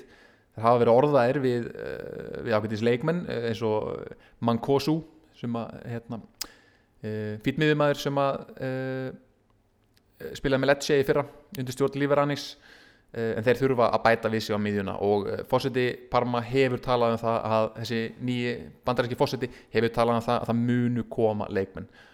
Og þeir, þeir þurfa að koma sem allra fyrst. Ég sá síðasta leik þeirra leik þeirra í annar umferð á móti Bologna sem er nú annar leið sem er svona spáð að vera á svipum stað á þeirri dildinni og þeir voru yfirspilaðir af Bologna og það lofar ekki góðu þegar þú ert yfirspilaðir af Bologna. Þannig að þeir þurfa að styrkja liðið þeir segja lítið um þá að segja akkurat núna. Þeir munu og þeir eru bara um þessa mundir að ganga frá kaupum á ungum efnilegum Suður Amerikumanni Eh, þannig að það er auðvitað að segja mikið meira en það. En ef þeir styrkja sig ekki þeir fá ekki neina viðbót við það sem þeir hafa nú þegar þá eru þeir að treysta á skindisóna fótbolta enn eitt árið þeir eru að treysta á Gervinjó sem á hann gamall og Bruno Alves í vördinni Bruno Alves uh, sem er ennþá að spila þessi orðin færtugur og sennilega í besta forminu í deildinni það er ekkert upp á það að klaga en það er erfitt að treysta á svona gamla leikmenn að þeir haldi heilt tímabil. Þetta, verður, þetta getur verið bastljáðum en hérna, við verðum að e, þó slá hann vannagla að, hérna, að þeir, þeir muni bæta við þessi leikmennum á komandi dögum og þá erum við komin að liðunum uh, sem eru rétt fyrir neðan topparáttuna liðin sem eru svona kallaðu, bestu hérasliðin og það eru Sassuolo, Torino og Fiorentina. Og slumum bara að byrja á Torino. Uh, Torino eru þetta, þetta stóra lið frá Torino. Uh, eru þetta með fósita sem hefur eitt talsverðum fjármunum í félagið á undanfjöndum árum. Eh, Fósitið liðsins er Urbano Cairo sem er útgefandi Corriere della Sera og kannski öllu mikilvægra fyrir okkur útgefandi Gazzetta dello Sport sem er þetta stærsta íþróttablaðið á, á Ítalíu og, og í Európurunar uh, eh, hann hefur sett mikið peningi liðið og þeir eru með mjög dýrt lið meða við það hvar þeir hafa endað í deildinni. Í fyrra uh, undir stjórn uh, Walter Mazzari gekk þeim hörmulega og þeir voru réttur á fallsveti þegar hann var látið að fara. Og sá sem tók við á honum var þjálfarinn Moreno Longo sem að þjálfaði Emil Hallferðsson hjá Frosinone sem er auðvitað tíma, örgulega tímabil sem ég held að bæði Emil og, og uh, Moreno Longo vil ég báðir glema en eftir að Longo tók við gekk eiginlega bara ennþá verð þannig að þeir enduði í bullandi fallbaróttu tráttur að vera með dýran leikmannahóp leikmann eins og Andrea Bellotti upp á topp sem þeir hafa neitað að selja í mörg ár og ætlaði einhvern veginn að gera allega að Evrópu. En uh, staðrendin er svo að þeir hafa bara ekkert komist í Evrópu eða verið í einhver alvöru baróttu frá því að Giampiero Ventura þjálfaði liðið uh, sem var síðar landsinsþjálfar í Ítalíu og, og skeita rækilega upp á bakk uh, þar. Þannig að þeir hafa eitt peningum ár eftir ár.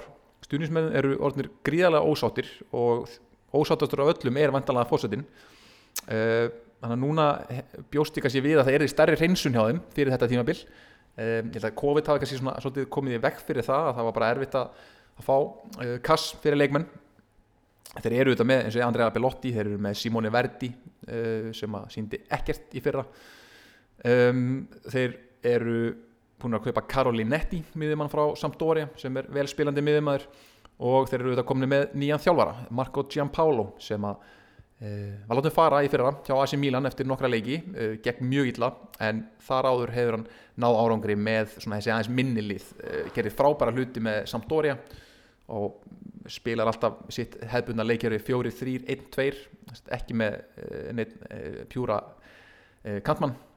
Og það sést svona fingra fyrir hans sjást á liðinu fyrstu leikina. Þegar hann tapar sínum fyrstu tveimu leikjum Torino og eru kannski ekki alveg með leikmann og hópin sem hendar þessari taktík sem maður vil spila en maður sér mjög skýr uh, fingraför hans á leðinu í þessum fyrstu leikum uh, sóknarleikurinn hefur verið allt í lægi Belotti er komin í gang, byrjar að skora en uh, varnarleikurinn er búin að vera afskaflega dabur og svona miðjan og vördin bara hangir alls ekki saman.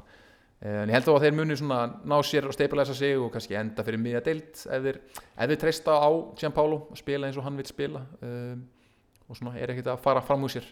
En uh, staðan er erfið og það eru staðan er bara svo að það eru ómargi leikmenn í þessu liði sem er að spila langt undir vendingum um, þeir eru líka mikið orðaði við Luka Torreira frá Arsenal það er ekki þá ólíklegt að hann muni koma. Hann var auðvitað spilað undir Gianpaolo hjá Sampdoria á sínum tíma. Þannig að ef hann vil eh, svona uh, rífa sinn feril aftur upp í gang þá er auðvitað Torino fínt lið fyrir hann. Um, síðan hafaði mist uh, nýgeriska eða enska nýgeriumannin Óla Æna óskildur Óla Einar Björndalen. Uh, hann er farin til Englands.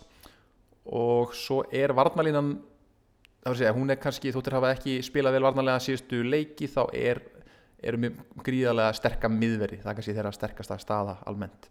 Uh, og meðan bakverðastöðunar eru kannski öllu lagari en svona allt í allt þá held ég að þeir munu ná sér að vera betur og betur eftir því sem líður á tímabilið og, og svona fingraför uh, Gianpaolo sjást betur á liðinu. En þeir munu þó sennileg ekki ná að hóta neittni í Európa-barátu uh, þannig að kannski líka aðalega vonandi að þeir ná að gefa Juventus smá leik í nákvæmlega Juventus Torino þessu derbi del mole því að Torino hefur ekki náð í úrslitt á móti Juventus í þessum nákvæmlega í mörg, mörg, mörg ár og það stuðnismenn Torino eru að vera brjálaðir á því.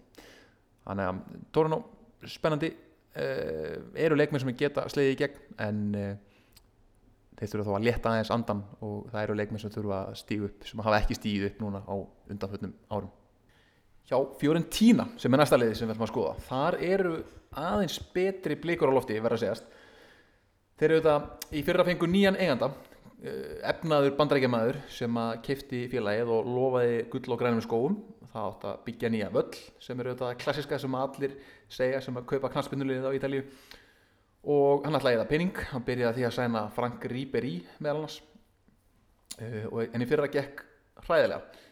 Þeir uh, ráku þjálfvaran og reyðu inn Beppi Iacchini sem er gríðala varnasinnaði þjálfvari vanur að spila 3-5-2 vanur að koma liðum úr B-dildinu upp í A-dildina en hefur enga reynsla því að ná í árangur í, í efstu dild uh, núni sumar þá ákveður að endur nýja samningin við Beppi Iacchini stuðnum sem er um liðsins til mikils ama en þeir hafa verið frekar virkir á transfermarkanum og fengið til sér leikmenn sem að munu klálega styrkja lið þeir hafa fengið til sér Sofian Amrabat sem ég talaði um áðan sem var kannski eitt besti miðjumæður deildarinnar í fyrra hjá Verona. Og svo er þeirra á miðjuna líka komnir uh, Giacomo Bonaventura frá AC Milan á uh, frálsinsölu sem eru styrkja liði greiðlega hreyfanlegu miðjumæður uh, ógna líka með skotu, sk lónskotum og svo eru þeir komnir með Alfred Duncan Borja Valero komin aftur frá Inter. Borja Valero er í guðatölu hjá stuðnismönnum eh, Fiorentina.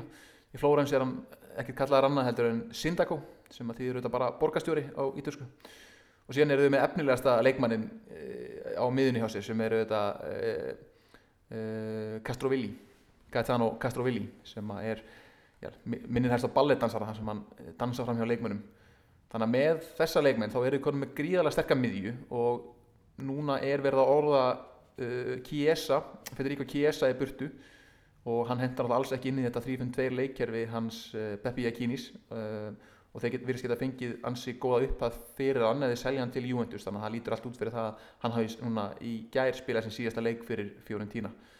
Um, þannig að miðjan öflug uh, upp á topp eru þau konum með Kouame frá Genoa sem er greiðara spennandi leikmaður. Hann er ekki tilbúinn. Ég sá hann, ég sé hann uh, live spila hjá Genoa. Hann var gríðalega vinsall þar hjá ungu kynnslöðinni uh, hann er stór, hann er slánalegu framherri mjög snöggur svolítið svona unpolished en þá en það sem hann hefur sem að kemur mjög óvart þegar maður skoða tölfræðina með hann er að það er sá leikmaður deildinni sem er að vinna flest innví og með það að vera svona mjór og slánalegu framherri sem er að vinna nánast öll innví sem það fyrir í það segir svolítið um hvernig hann er. Hann er gríðalega góður að að ná boltanum með sér uh, og vinna þessa 50-50 bolta sem að hérna, mér getur verið mikil kostur fyrir framherja en hann þarf auðvitað að bæta það í við leiksinna að hérna, klára fleiri færi. Og síðan er óvisa líka með Dusan Vlahovic uh, serbiska framherjan uh, efnilegur, síndi takta inn á milli en er ekki að klára færin. Og ef að uh, hann heldur áfram eins og hann hefur byrjað núna á þessu tímabili þá er ekki langt í það að sjálfströstið hans fari algjörlega niður í lægstu lægður þannig að það er ekkit svona það er margt sem bendir til þess að þeir munu spila ákveðis fókbalta en þegar maður skoða síðan liðið og, og þá eru veikleikar inn á milli. Uh, í vördninni til dæmis eru þeir ennþá að spila með uh, Martin Caceres sem að menn held að veri búinn fyrir þreymur ára síðan. Uh, sem er, hann er á gammal og bara búinn á því og svona mikil spellikall í vördninni Dragovski markmaðurinn er góðið shotstopper en svona er hann leikmaður sem er að fara að vinna mörg stig stuðnismenn er ekkert vola spetti fyrir honum. Markmaður sem að stuttærður markmaður sem spila samt með hárband og í treyi nr. 69 það er svona kannski meiri stælar heldur en er innirstaða fyrir uh, það kemur að gæðum hjá honum. Þannig að þetta tímabilið byrjaði ekki vel. Þeir komist yfir á móti Inter, töpuð því niður upp á það tíma uh, hafa síðan tapað í gæðar á móti Sampdoria sem er auðvitað bara ófyrirgevanlegt þannig að þetta uh, það er svolítið rót þarna í Flórens styrkingar sem að munu styrkja liði en með þennan þjálfara þá þeir þurfa á Frank Ribery að halda. Ef Frank Ribery spilar þá geta það unni leiki. Ef hann spilar ekki þá er lið einfallega ekki nógu gott uh, sérstaklega sóknarlega til þess að vinna leiki. Síðasta liðið í þessum flokki yfir bestu hérasliðin þar eru við lið sem að margir fíla. Ég veit að það Íslandi, Íslandi eru þó nokkru stuðnismenn Sassuolo. Uh, Sassuolo það er sama sagan það sem áður. Sigla líknansjó með gríðarlega efnaðan uh, eiganda sem er þetta lést núna á síðast ári en fjölskyldan ás hefur tekið við auðvánum og, og ekkert sem lítur út fyrir að það verður eitthvað breytingar á. Uh, skemmtilegt lið byggt upp á aðalega ungum ítölskum leikmönnum og spila skemmtilegan fótbolta. Og það eru svona helstu gildin sem að þeir halda í á hverju einasta ári. Engandinn, eins og ég, Squincy, hann er látin uh, maðurinn sem að efnaðist á þessu málinga uh, og flýsa veldi sínu, Mapai sér um að, getur, sér um að hérna, selja fúu og fúukrossa og flýsar og málingu og allan öllu ósköp. Það eru miklu peningar og þeir eiga efni á því að halda í líka sína bestu leikmenn. Þeir eru líka með einn efnilegasta þjálfara landsins, leðið þjálfara sem að margir byggust við að myndi taka við Juventus núna þegar tækifæri gafst í, í sumar þegar Sarri var átum fara. En svo var ekki, Eh, Roberto De Zerbi verður áfram með Sassuolo og fær bara áfram það einfalda verkefni að búa til lið sem spila góðan fótbolta og það er ekki gerð krafa um að liði sé í Evrópu baratu, þeir eru bara spila góðan fótbolta uh, kaupa unga efnilega leikmenn og selja þá á uh, herra verði. Þeir eru með öflutlið sérstaklega framlínan. Framlínan er ógulega sterk. Þar eru þeir með uh, Gigio Caputo uh, ítalski gamli neðriðeldar strækjarinn sem er núna búin að slá í gegn og er komin í ítalska alansliðið sem er svona, þetta er einn af þessum öskubösku sögum síðustu ára hæri kantinum er hann með Domenico Berardi enn og aftur, uh, hann er ekki að fara neitt. Uh, eitt besti kantmaður deildarinnar. Hann er með Manuel Locatelli sem sóknarsinnaður miðjumæður sem er líka verið orðaðið við Juventus og eftir að hafa verið svona efnilegur í mörg ár og hjá AC Milan og hefur hann svona farið aftur fór hann til Sassuolo til að taka svona eitt skrif aftur á bakk til að taka síðan tvö skrif áfram því að hann er búin að vera frábær hefðum svo er þið með Jeremy Boga sem að sló í gegn í fyrra gríðala snöggu kantmaður sem er fortíð í Chelsea margir byggust við að hann myndi, myndi fara en hann veður áfram hjá Sassuolo virðist vera eftir að þáttur að hafa Napoli hafi bóðið e, háar upphæðir í hann. Og svo er þeir auðvitað með Filip Djuricic fyrir liðsfélagi Alfreds Finnbúasonar e, sem að hefur líka svona e, náð ferðli sínum aftur á réttan kjöl hjá Sassuolo og, og svona skemmtilega leikmaður sem spila stundum í, í hólunni eða svona aðeins fyrir aftan Gigio Caputo sem var sér um að skora mörkin.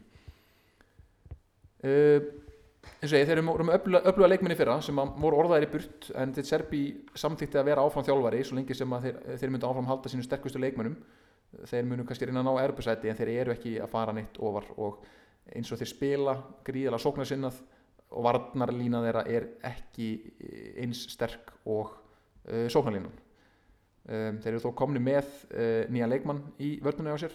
Það er leikmann sem við Íslandingar eigum eftir að kynast Rúmerinn Vlad Sirikes sem að auðvitað á fortíð í Tottenham og síðan Napoli hann er núna komin til Sassuolo til að fá ferlinum aftur á réttan kjöl og hann er að fara að mæta okkur Íslandingum í næstu viku.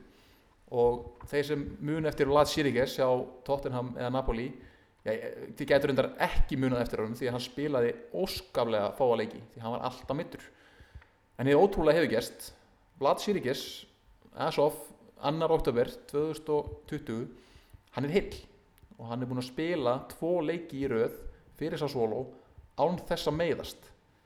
Þannig að ég býst nú við því að íslenska landsliðið hafi skátað rúmenska landsliðið en þeir hafa væntalega búist við því að Vlad Sirikes sé meittur eins og hann er búinn að vera já, linnulaust í átta ár.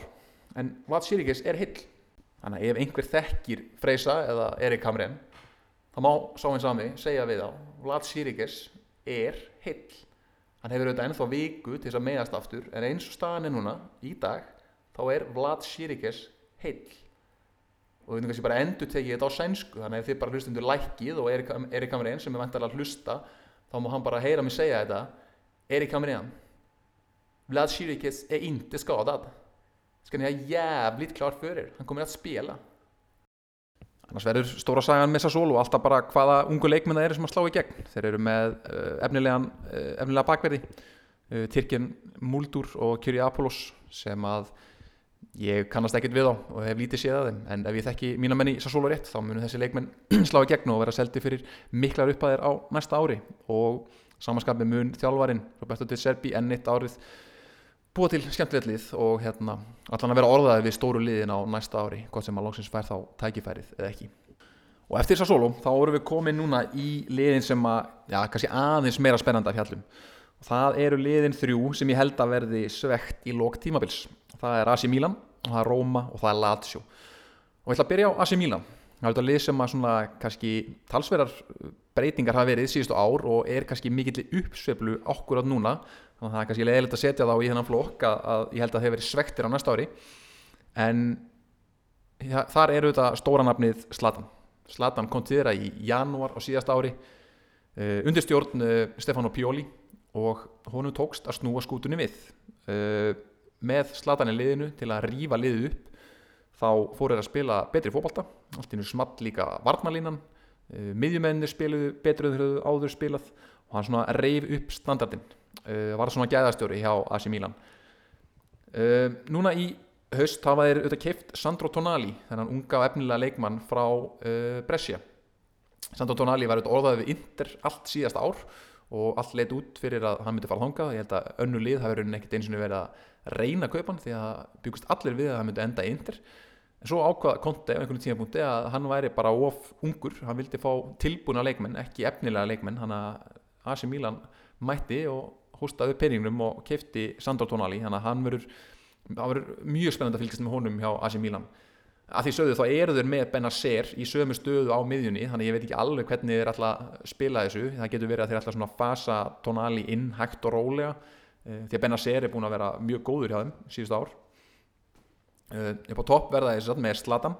Þeir verða með Ante Rebic á vinstri kantinum Chalanoglu fyrir aftan Zlatan og svo á hægri kantinum það er svona meira ósystáða en um, bæði er Belgin sem heitir svo skemmtilega nafni Salemakers hljómar eins og einhver belgískur Tour de France keppmandi uh, hann hefur færð tækifærið á hægri kantinum og svo er það norska ungstjörnið Háge sem að Mílan kefti eftir að þeir mættu bótuglimt í und, undangefni Európa-deldarinnar og hann stóð sér frábælega á San Siro skoraði þrjum mark uh, og var bara sænaður fyrir held ég 6, ja, alltaf 6 miljónum evra strax eftir, bara viku eftir leik. Uh, það var mjög spennt að fylgjast með honum. Það hafði talað mjög vel um hann hjá AC Milan. Hann mætti, mætir auðvitað til Ítalíu beint úr norsku deildinni þannig að hann er sagðið að vera í betra formi, leikformi heldur en allir leikmenn AC Milan. Þannig að það er ekkert því til fyrirstöðu að hann muni fá strax tækifæri. Um, hvort hann sé að sé að nóga góður, það verður bara komið ljós. Um, óvissu faktorinn myndi ég náttúrulega segja sé Slatan eins mikið og hann er líka að geðastjórin því að hann er orðin 38 ára gammal hann hefur verið mittur, er bæði, vittur, bæði mittur og er búin að vera veikur. Um, þannig að ef hann spilar ekki þá held ég bara breytingin á liðinu getur orðið svolítið mikil. Því að það er engin leikmaður eins og slatan þá þurfa það strax að breytum einhvern veginn leikkerfi þarf að byggja upp svona önnu munstur. Þannig ég held að það geti líka verið svona veikleika merkið er að þeir ætla að treysta á slatan þeir geta ekkit annað en treysta á slatan hann var að svona komðum í Európu hann fekk að því þeir veriðist að ráða þjálfaramálum. Hann vildi hafa vera áfram og vildi þá hafa Pioli en ekki ráða einhvern eins og Ralf Rangnick eða einhvern annan þjálfara. Þannig að þeir eru að gambla á að Slatan sé að fara að hjálpa þeim áfram og það er bara svolítið mikið gambul með 38 ára gamla leikmenn og það má líka bæta því við að í, í lok síðasta tímabils þegar þeir fóru á þetta rönn og, og náðu unnufulla leikjum þá voru mörg lið sem höfðu ekkert mikið að spila fyrir. Þannig að það var kannski svona svolítið svikalogna að, að horfa í þá leiki og halda að þeir séu þá búin að finna einhverja réttu formúluna. En þeir eru með öfluga leikmenn þeir eru með kannski besta vinstri bakgrunni deildinni Theo Hernández sem að, e, já, var langbestur besti vinstri bakgrunn á síðasta tímabili og skor var næst markaðistur hjá AC Milan e, er strax farin að leggja upp og, og bomba sér upp vinstri kantinn í þessum leikjum sem ég sé með AC Milan hinga til þannig að það er þeirra stóra stjarnar Frank Kessi á miðjunni er líka búin að vera gríðalega góður núna í síðustu leikjum. E, þannig að þeir eru með mjög öflugt lið, öflugt byrjunlið en það er aðalega þessi breytt upp á topp. Hvað gerist ef að slatan meðist eða þegar slatan meðist ég held að sé óhjákvæmilegt í rauninni. En ég held að þeir munu lendi aðeins meiri vandræðum og munu þess vegna lenda aðeins fyrir utan uh, þessi mestarseldarsæti og kannski þurfa að sætta sig aftur við sæti í Europa League. Þeir munu spila í Europa League á þessu ári. Þeir uh, fóru í gegnum umspil þar sem þeir mættu fyrst bótu glimt og, og og síðan þessu Rio Ave frá Portugal sem þeir sló út uh, í vítismjöngkjafni sem endaði 12-11 uh, þar sem allir leikmenn í liðinu hverju liði höfðu takaði viti og einhverju tvísvar kjafni sem að þar sem að Rio Ave hafi þrjá matchpoint, þrjú matchpoint en klúðuruðu öllum þeim vítarspilnum Vítaspilskefnin hafði allt, markmenninir tóku báði víti og báði markverðinir klúðruði vítun og alveg ævintýrlega lélega, lélega skot. Þannig að þetta var spennandi leikur og er rauninni algjört algjör hefni að þeir hafa öndanum náða að komast í eh, Europa League. Uh, og hvað, hversu mikið áhuga þeir hafa á því að spila Europa League veit ég heldur ekki. Hítusklið hafa síðust ár alls ekki lagt áherslu á, á Europa League og, og mér finnst óleiklegt að það verði einhver breyting á því núna á, á þessu ári Annarlið sem að verður líka í bastli á komandi ári og ég held að muni lenda vera svektir í lóktímabils, það eru mínu menn í Róma og ég veit einfallega ekki hvar ég á að byrja. Ég veit ekki af hverju það er slæmt að eitthvað fari í skrúuna eða hvaða skrúu við verðum að tala um en hjá Róma hefur allt farið í skrúuna sem að getur mögulega farið í skrúuna. Til að byrja með eru komin nýjir eigundur. Hann, uh, James Palotta sem er búin að eiga félagi núna í einhver 7-8 ár og maður sem að þekktu fyrir að stinga sér til sunds í, um, í góðsprunum í Rómar þegar þið slóðu Barcelona úr mestarleitinni hann er búin að selja liðið til uh, Dan Friedkin sem er uh, eigandi Friedkin Group uh, moldiríkur bandaríkjamaður. Þeir mista mestarleitasætinu á síðasta tíanbeli og hafa því þurft að selja leikmenn. Þeir hafa selgt Cengiz Under til Leicester Patrik Schick til Þískalands Kolarov til Inter og Florenzi heimamaðurinn var lánaði til PSG Ætlunin var að kaupa Milik frá Napoli og láta Tsek og fara þá til Juventus en uh, ég kannski fer betur yfir það eftir en uh, fórseti Napoli uh, fokkaði því upp því með hérna, sölunni á Milik þannig að þessi ringegja fór aldrei að stað þessi transfer ringegja þannig að Tseko verður áfram hjá Róma en hann, hann líti allt út fyrir að hann væri að fara til Juventus þannig að hann spilaði ekki fyrsta leikin mótið Verona, heldur satan og bekknum allan leikin sá leikur endaði 0-0 og það gekk síðan ekki betur en svo að Róma var dæmt 3-0 tap. Vegna þess að þeir skráðu miðjumannin Amadou Diawara sem U22 ára leikmann. En hann er orðin 23 ára gammal til að toppa þá vittlisu þá hætti tímmanagerinn, maðurinn sem að ber ábyrð á leikskíslunni hann hætti sama dag og fór að vinna fyrir Verona liði sem að var þá dæmdur 3-0 sigur fyrir utan þetta þessa vittlisu þá er engin yfirmaður íþróttamála starfandi hjá Róma Gianluca Petracchi var látið fara eftir síðasta tímabil. Þannig að það er engin maður sem ber ábyrða því á kaupum og sölum og að reyka á þjálfara. Varafósiti liðsins sem hefur séð þá um það í staðin hefur verið staðgengil yfirmaðs íþróttamála. Hann var dæmtur í bann frá transfer eh, frá því að stýra Róma vegna þess að hann braut einhverja COVID-reglur í sumar þannig að hann hefur ekki mátt koma nála þessu. Uh, því bann var reyndar aflétt síðan aftur eftir eitthvað áfríðun þannig að það er allt í skrúinni uh, Nikolás Sanjólo einu maðurinn sem gaf Rómerjum ástæðu til að vakna mótnana með brosa vör uh, síðasta hálfa árið hann sleitt crossband aftur. Þetta skipti var að hitt crossbandið þannig að þetta var svona ekki, ekki sama crossband það hefur mikið verið talað um að hann kannski farið og snemma af stað en, en staðrændin er svo þetta var hann hitt crossbandið þannig að það er, það er erfitt að kenna því um að þetta er einhver lækna mistök þannig séð Uh, sennilega hefur, bara, hefur hann verið með einhvern, einhvern veikleika í, í crossmöndunum hjá sér. Um, eins og ég þeirra að mist undir uh, Schick þeirra að selja Diego Perotti til Tyrklands. Uh, en hann var fengið til sín Petro frá Chelsea. Kemur vonandi með einhverja sterkar sigur hefð til þessins, hann hefur litið mjög vel út í fyrstu leikum þeirra að keft Maras Kumbula frá Hellas Verona sem eins og ég nefndi á hann hefur verið var kannski besti miðvörðurinn í deildinni í fyrra. Uh, gríðalegt efni aðeins 18-19 ára gammal uh, frá Albaníu spila fyrir albanska landsliðið en er hann uh, fættist á Ítalíu og hefur alltaf, alltaf búið á Ítalíu og talar ítulsku já, svo eru þið núna orðaði við og hafa verið orðaðir í allt sumar Chris Smalling um að hann kom aftur. Þeir verðast ekki alveg verið að ná samkómulagi við Manchester United en ég held að við munum ganga út frá því að, að þeir munu ná samkómulagi uh, annar vandamáli markmannstæðan Pál López er ekki lengur aðalmarkmaður heldur er aðalmarkmaðurinn Antonio Mirante sem er 38 ára og hefur verið að vara markmaður síðust ár. Um, en Pál López vil ekki fara. Þeir eru líka ennþá með Robin Olsen í hópnum sem er ótrúlegt. Þannig að þetta, er, þetta lítur ekkert sérstaklega vel út og öll þessi vandamál innanvallar sem utan benda eiginlega ekki til neins annars heldur en að þetta verði, verði bras allt þetta tímabil. Uh, svona bjartaliðin kom kannski í síðasta leika mútið Juventus þar sem þeir gerðu 2-2 jafntefni en voru manni fleiri í hálftíma og, og voru betri aðilinn bæði fyrir og eftir rauðarspjaldið þannig að þeir voru kannski svektir að fá ekki meira út úr þessum leika mútið Juventus. Og það kannski gefið þeim eitthvað sjálfströst fyrir komandi leiki. Á góðum degi þá geta þeir unni hvaða lið sem er en uh, vandamáli er bara þeir um tekst að fokka upp einfaldustu leikjum og sérstaklega móti lagari liðum þá, þá hafa þeir ekki verið að ná í úslitt og með alla þessa óvissu í kringuliðið þá sé ég ekki annað en að þeir veri brasi. Þeir voru líka gangið frá köpum á spænska framherunum Borja Majoral frá Real Madrid sem hefur verið í láni í La Liga síðust ár. En ef maður skoða markarekordið hans þá er ekki þetta búið sér því að sá maður sé að fara að mæta með, með neitt annað til Rómar heldur en þokkalega feitan launapakka. uh, þannig á þeir ná heldur ekki mistaldarsæti á næsta ári sangkat minni spá. En við færum okkur yfir í bláa hluta Rómaborgar þar sem að Lazio eru. Þá held ég að þeir verði svipuðum stáði fyrra. Þeir voru auðvitað lengi títilbaratu í fyrra og byrjunaliðið þeirra var ógnastert og þegar þeir gáttu spilað sínu bestu 11 leikmönnum þá var liðið mjög erfitt að mæta. Uh, líkamlega stert leiðilega, týpur menn sem að gáðast aldrei upp. Og ég held að við munum fá að sjá svipað lið og eða fyrra þeir hafa ekki gert mikla breytingar en það verður líka þeirra það er líka þeirra veiklingamerki þeir hafa ekki uh, náð að styrkja liðið mikið frá því fyrra.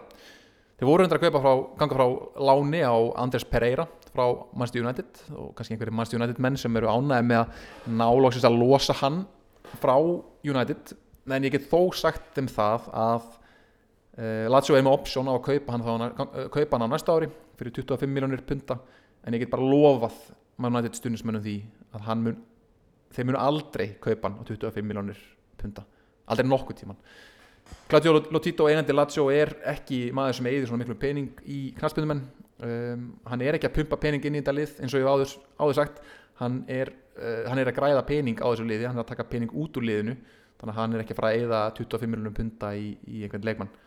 Um, í sumar reyndu þeir að kaupa David Silva frá, uh, frá Manchester City uh, upp á þurru. Voru, og margir byggustu því að það sá dýl myndi bara gangi gegn áður en Real Sociedad, La Real stálunum á, á loka metrónum og hérna og Bogdani, yfirmar íþjóttamála á Lazio var einhvern veginn var brjálaður eftir þetta og veitist slá hann svolítið út af læginu bara því að þeir gerðu ekkert á transfermarkanum fyrir bara allir núna í lokin þegar þeir mitt fengu Andris Pereira og er að fá hérna Mohamed Fares eh, kantmann frá Spal sem er líka kannski eitt besti leikmann á Spal á síðasta tífambili eh, þannig að þeir eru með svipaðan hóp, þeir eru að reyna að búa til breytt en þegar maður skoðar hópin og sérstaklega kannski varnalínuna þá er hún bara óveik um, Spánverðin Patrik er að spila allt og marga leiki hann er nánast byrjunleismæður hjá Lazio þessu staðinni núna.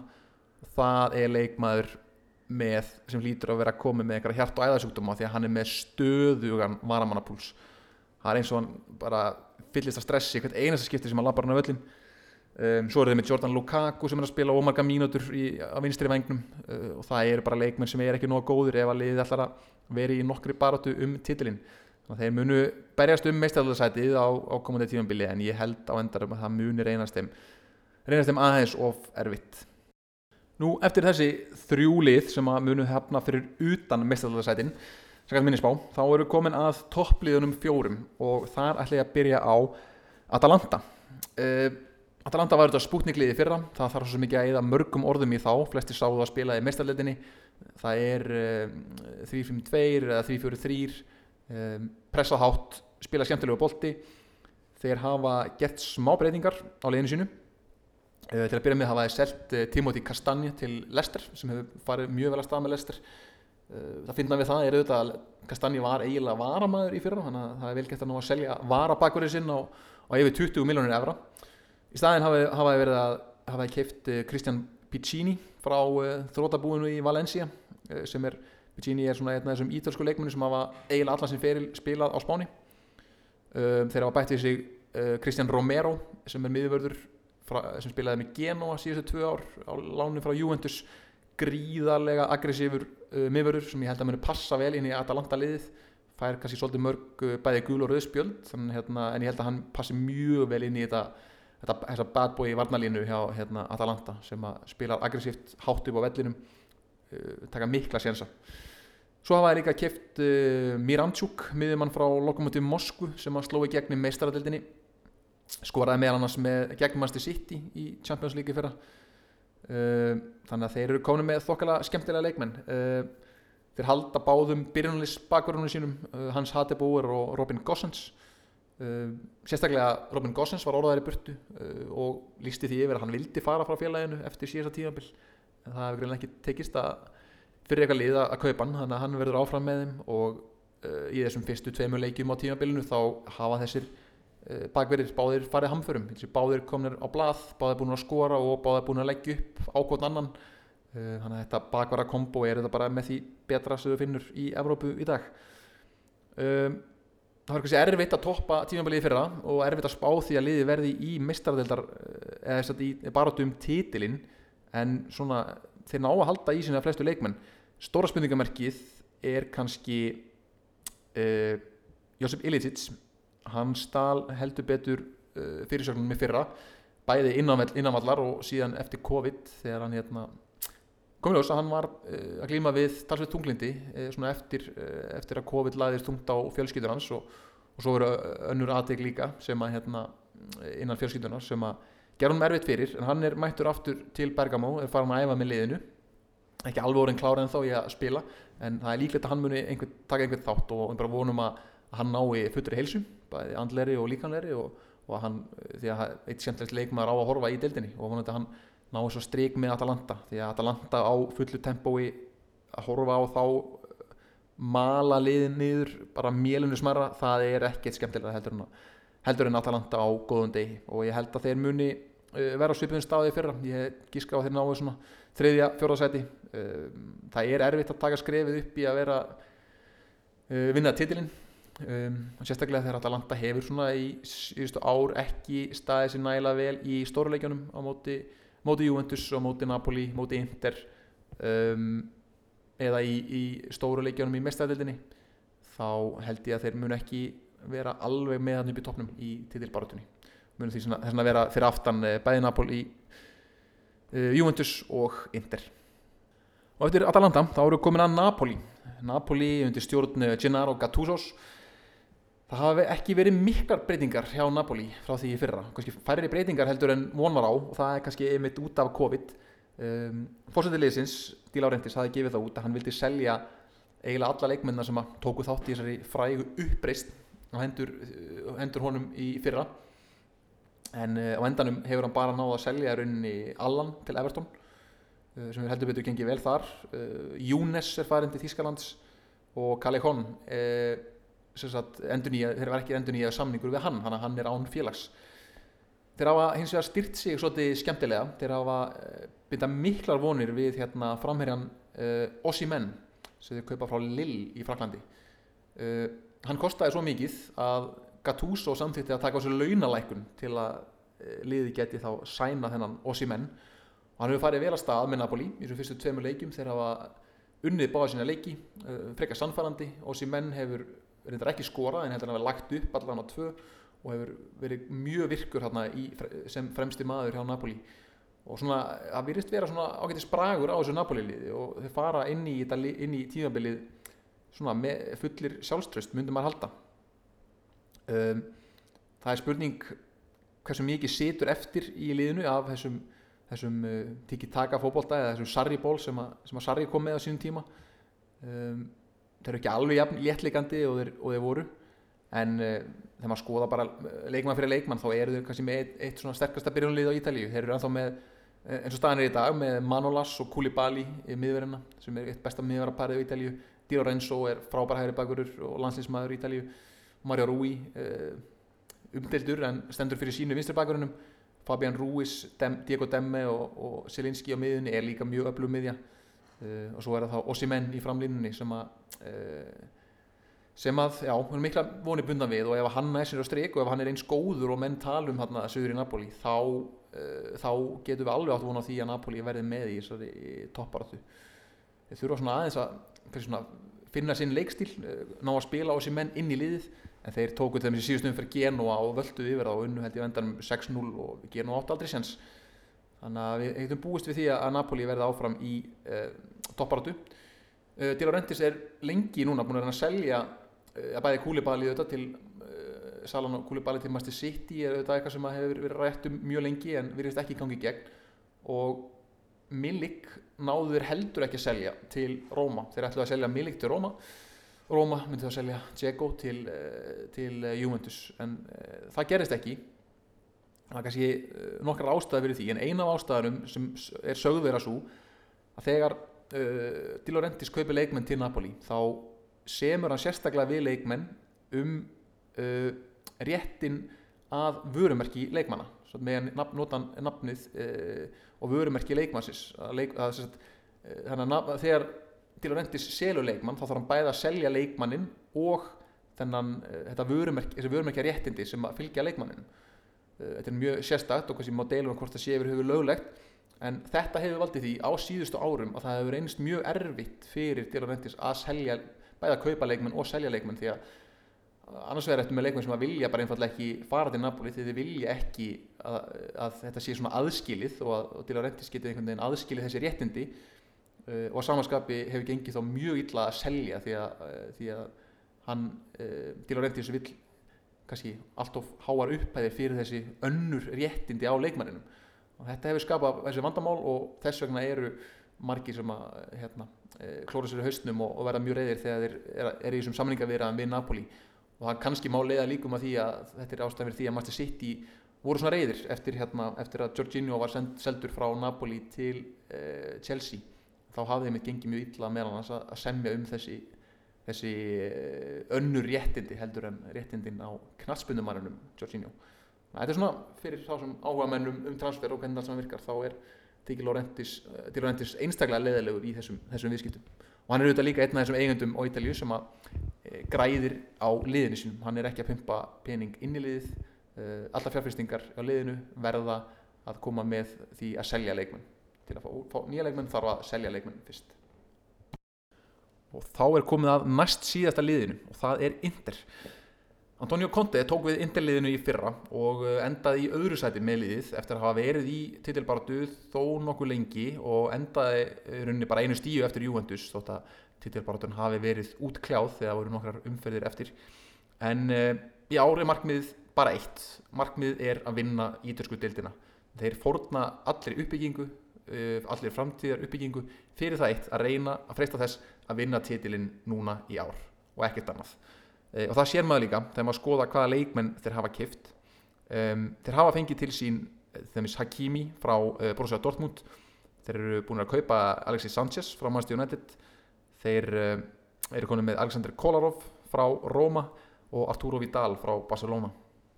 Það sem uh, enginn þessar leikmenn jú og Darmian líka frá Parma bakurinn og það sem enginn er flesta þessu leikmennum fyrir utan Hakimi er að þetta eru leikmenn sem eru að toppa akkurat núna. Þetta er ekki leikmenn sem eru kiftið til framtíðar og það er þess vegna sem þeir til dæmis ákvöðu að kaupa ekki Sandro Tonali eins og við talaðum á hann þeir vilja leikmenn sem geta spilað vel á þessu tímabili og hjálpa þeim að vinna titilinn og þannig bú, vonandi fyrir þá búa til einhverja sigurhefð fyrir framtíðina. Antonio Conte var í miklu stríði við stjórnendur Inter á síðast tímabili og ég svona gekk alltaf út frá því að það væri til þess að halda liðin á tónnum til þess að þeir myndu halda áfram að styrkja liðið. Enginn væri sáttur með fengin hlut heldur myndu vilja að sækja áfram og þeir þurfti að styrkja sig til að uh, gera alvöru alluga tillinu núna í ár. Og nú er komið að því. Ef þetta klikkar hjá það núna þá mun Conte fara frá borði ansir hratt held ég. Eins og segi þeir eru konið með Alexander Kolarov uh, fyrir bakurinn uh, hérna frá Manchester City og Lazio og var núna síðast hjá Róma hann er búin að missa allar hraða og var þess vegna hættur að spila sem bakurur hjá Róma eiginlega. En hann er ennþá með rosalega vinstri fót uh, mikið keppniskap og mjög mikill karakter mikill sigurvegari. Þannig að uh, Konti vill greinlega fá hann inn í, í vördina mun spila sannlega vinstra megin í uh, þryggjamanna uh, miðvararlínunni síðan er hann komið með þetta eins og ég, Alexis Sanchez sem að há svona að leysa af um, Lautaro Martínez.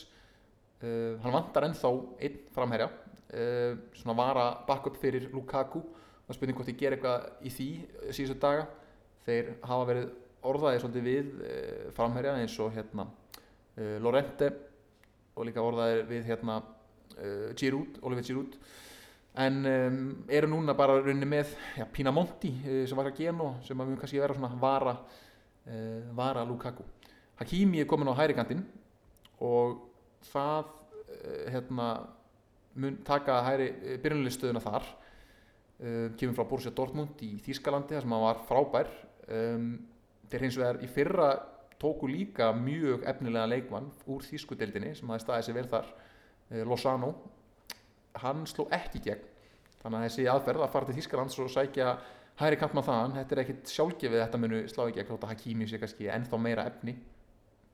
Og svona með hvernig hann spilaði í sínum fyrsta leik þá er ljóst að hann, hann hefur mjög margt fram að færa fyrir þetta Interlið um, í fyrsta leiknum hjá Inter þá unnu þeir Fiorentina 4-3 lendu undir um, og voru ekki að spila vel en þeir síndu hvaða rosalegu breytt þeir eru með í hóknum núna.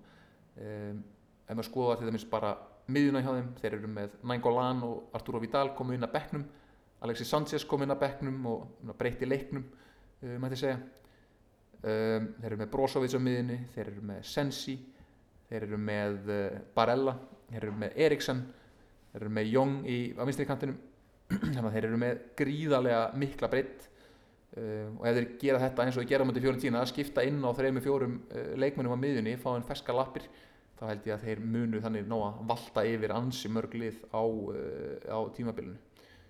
Þannig að uh, þetta lítur ákveðlega út fyrir uh, það er mikil pressa á þeim. Eins og þeir eru bara að hugsa um það að uh, vinna á þessu tímabili. Það er ekki verið að hugsa um neitt annað það hafa verið orðrúmar núna undarfærið um að þeir sé að reyna að selja skrinjar til, uh, til Premier League. Jafnvel að þeir sé að fara að selja uh, Marcelo Brozovic. En ef þeir eru að því þá held ég þessi aðalega gert til að fá pening til að kaupa þá einhvern backup striker. Uh, mér finnst mjög ólíklegt að þessi tvei leikmenn munu, munu fara núna á hverjum glugginn lokar. Og held frekar að þeir munu reyna að brjóta bankan og, og styrkja liðið ennþá meira og ennþá meiri breytt því að þessi, þetta er, er allt undir.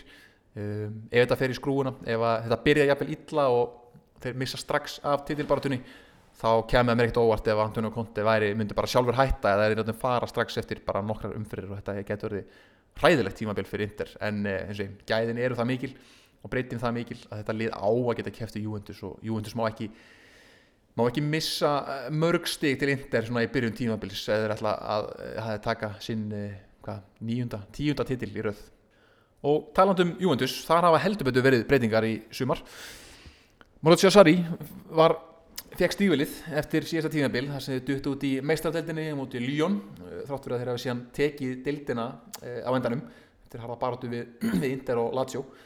En eh, svo sem var áðinn í staðinn var ekki eh, Francesco De Cerbi eða aðrir þjálfarar sem hafa búist við að væri á listanum heldur var það Andrea Pirlo sem fekk jobbið.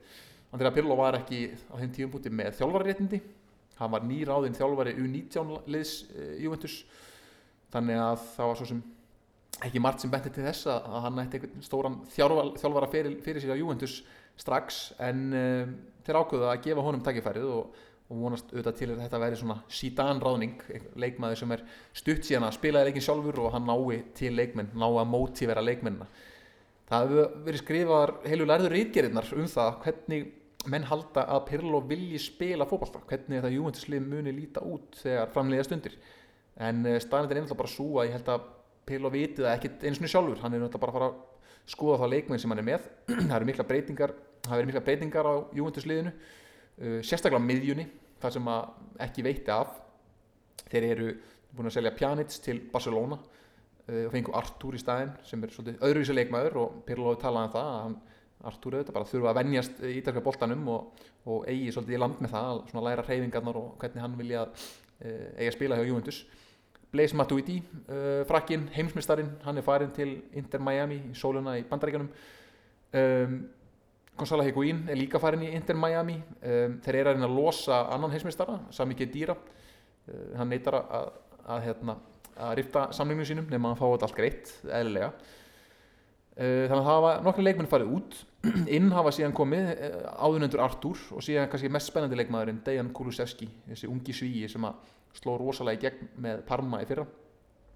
Ja, Parma í fyrra var hann að spila sem uh, í svona skindisóknarliði þar sem hann fekk mjög mikið pláss til að hlaupi hann er gríðilega vinnusamur, getur spila sem vangbakvörður eða framherji eða á kantinum eða í hólunni.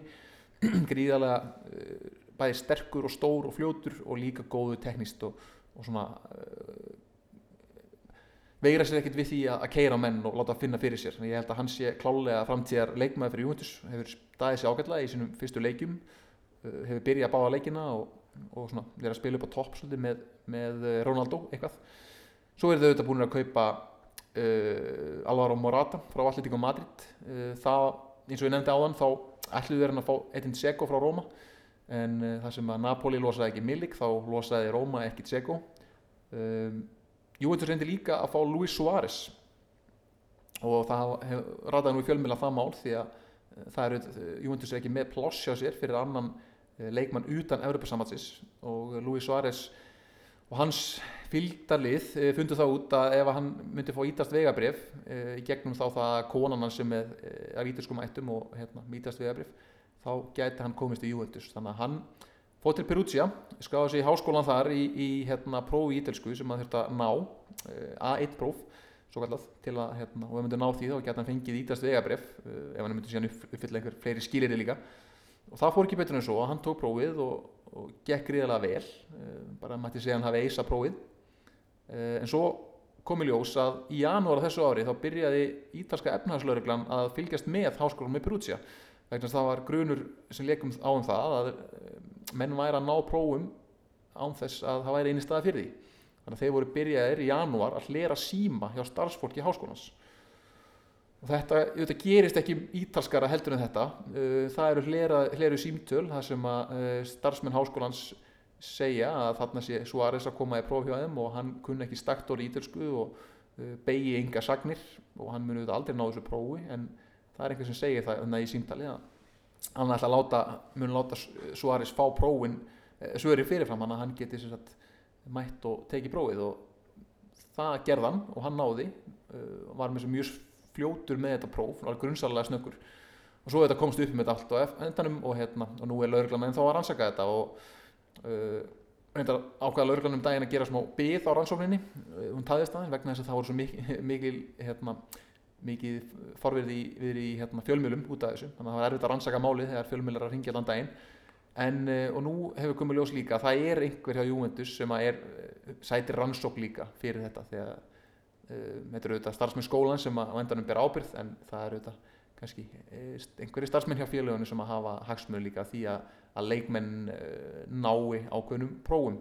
Það að fá ítast vegabref fyrir Suður Amerikabúa þetta hefur áður vakið búið til vandræði á Ítalju á tíund áratögnum þá voru fullt af bræslíumönnum sem að fengu vegabref sem að setna komið ljósa voru með falsað ættat, svona ættat, falsað ættatöflu reyndar ekki ætti sínan aftur til einhverja ítalskra innflytenda sem að fluttu frá Ítalíu til Brasilíu eða Argentínu á sínum tíma. En þetta voru einhverjar falsaðar ættfræði upplýsingar en Suárez fekk á ekki ítalst vegabrif en gekk á endanum til ís við allíka matið og þetta er smá svona álið snekkir fyrir Juventus og sérstaklega þetta, þessi vandræði er að við að retta sér framherja bæði Dzeko og, og Lacazette og Suárez voru leikmenn sem þeir reynda að kaupa.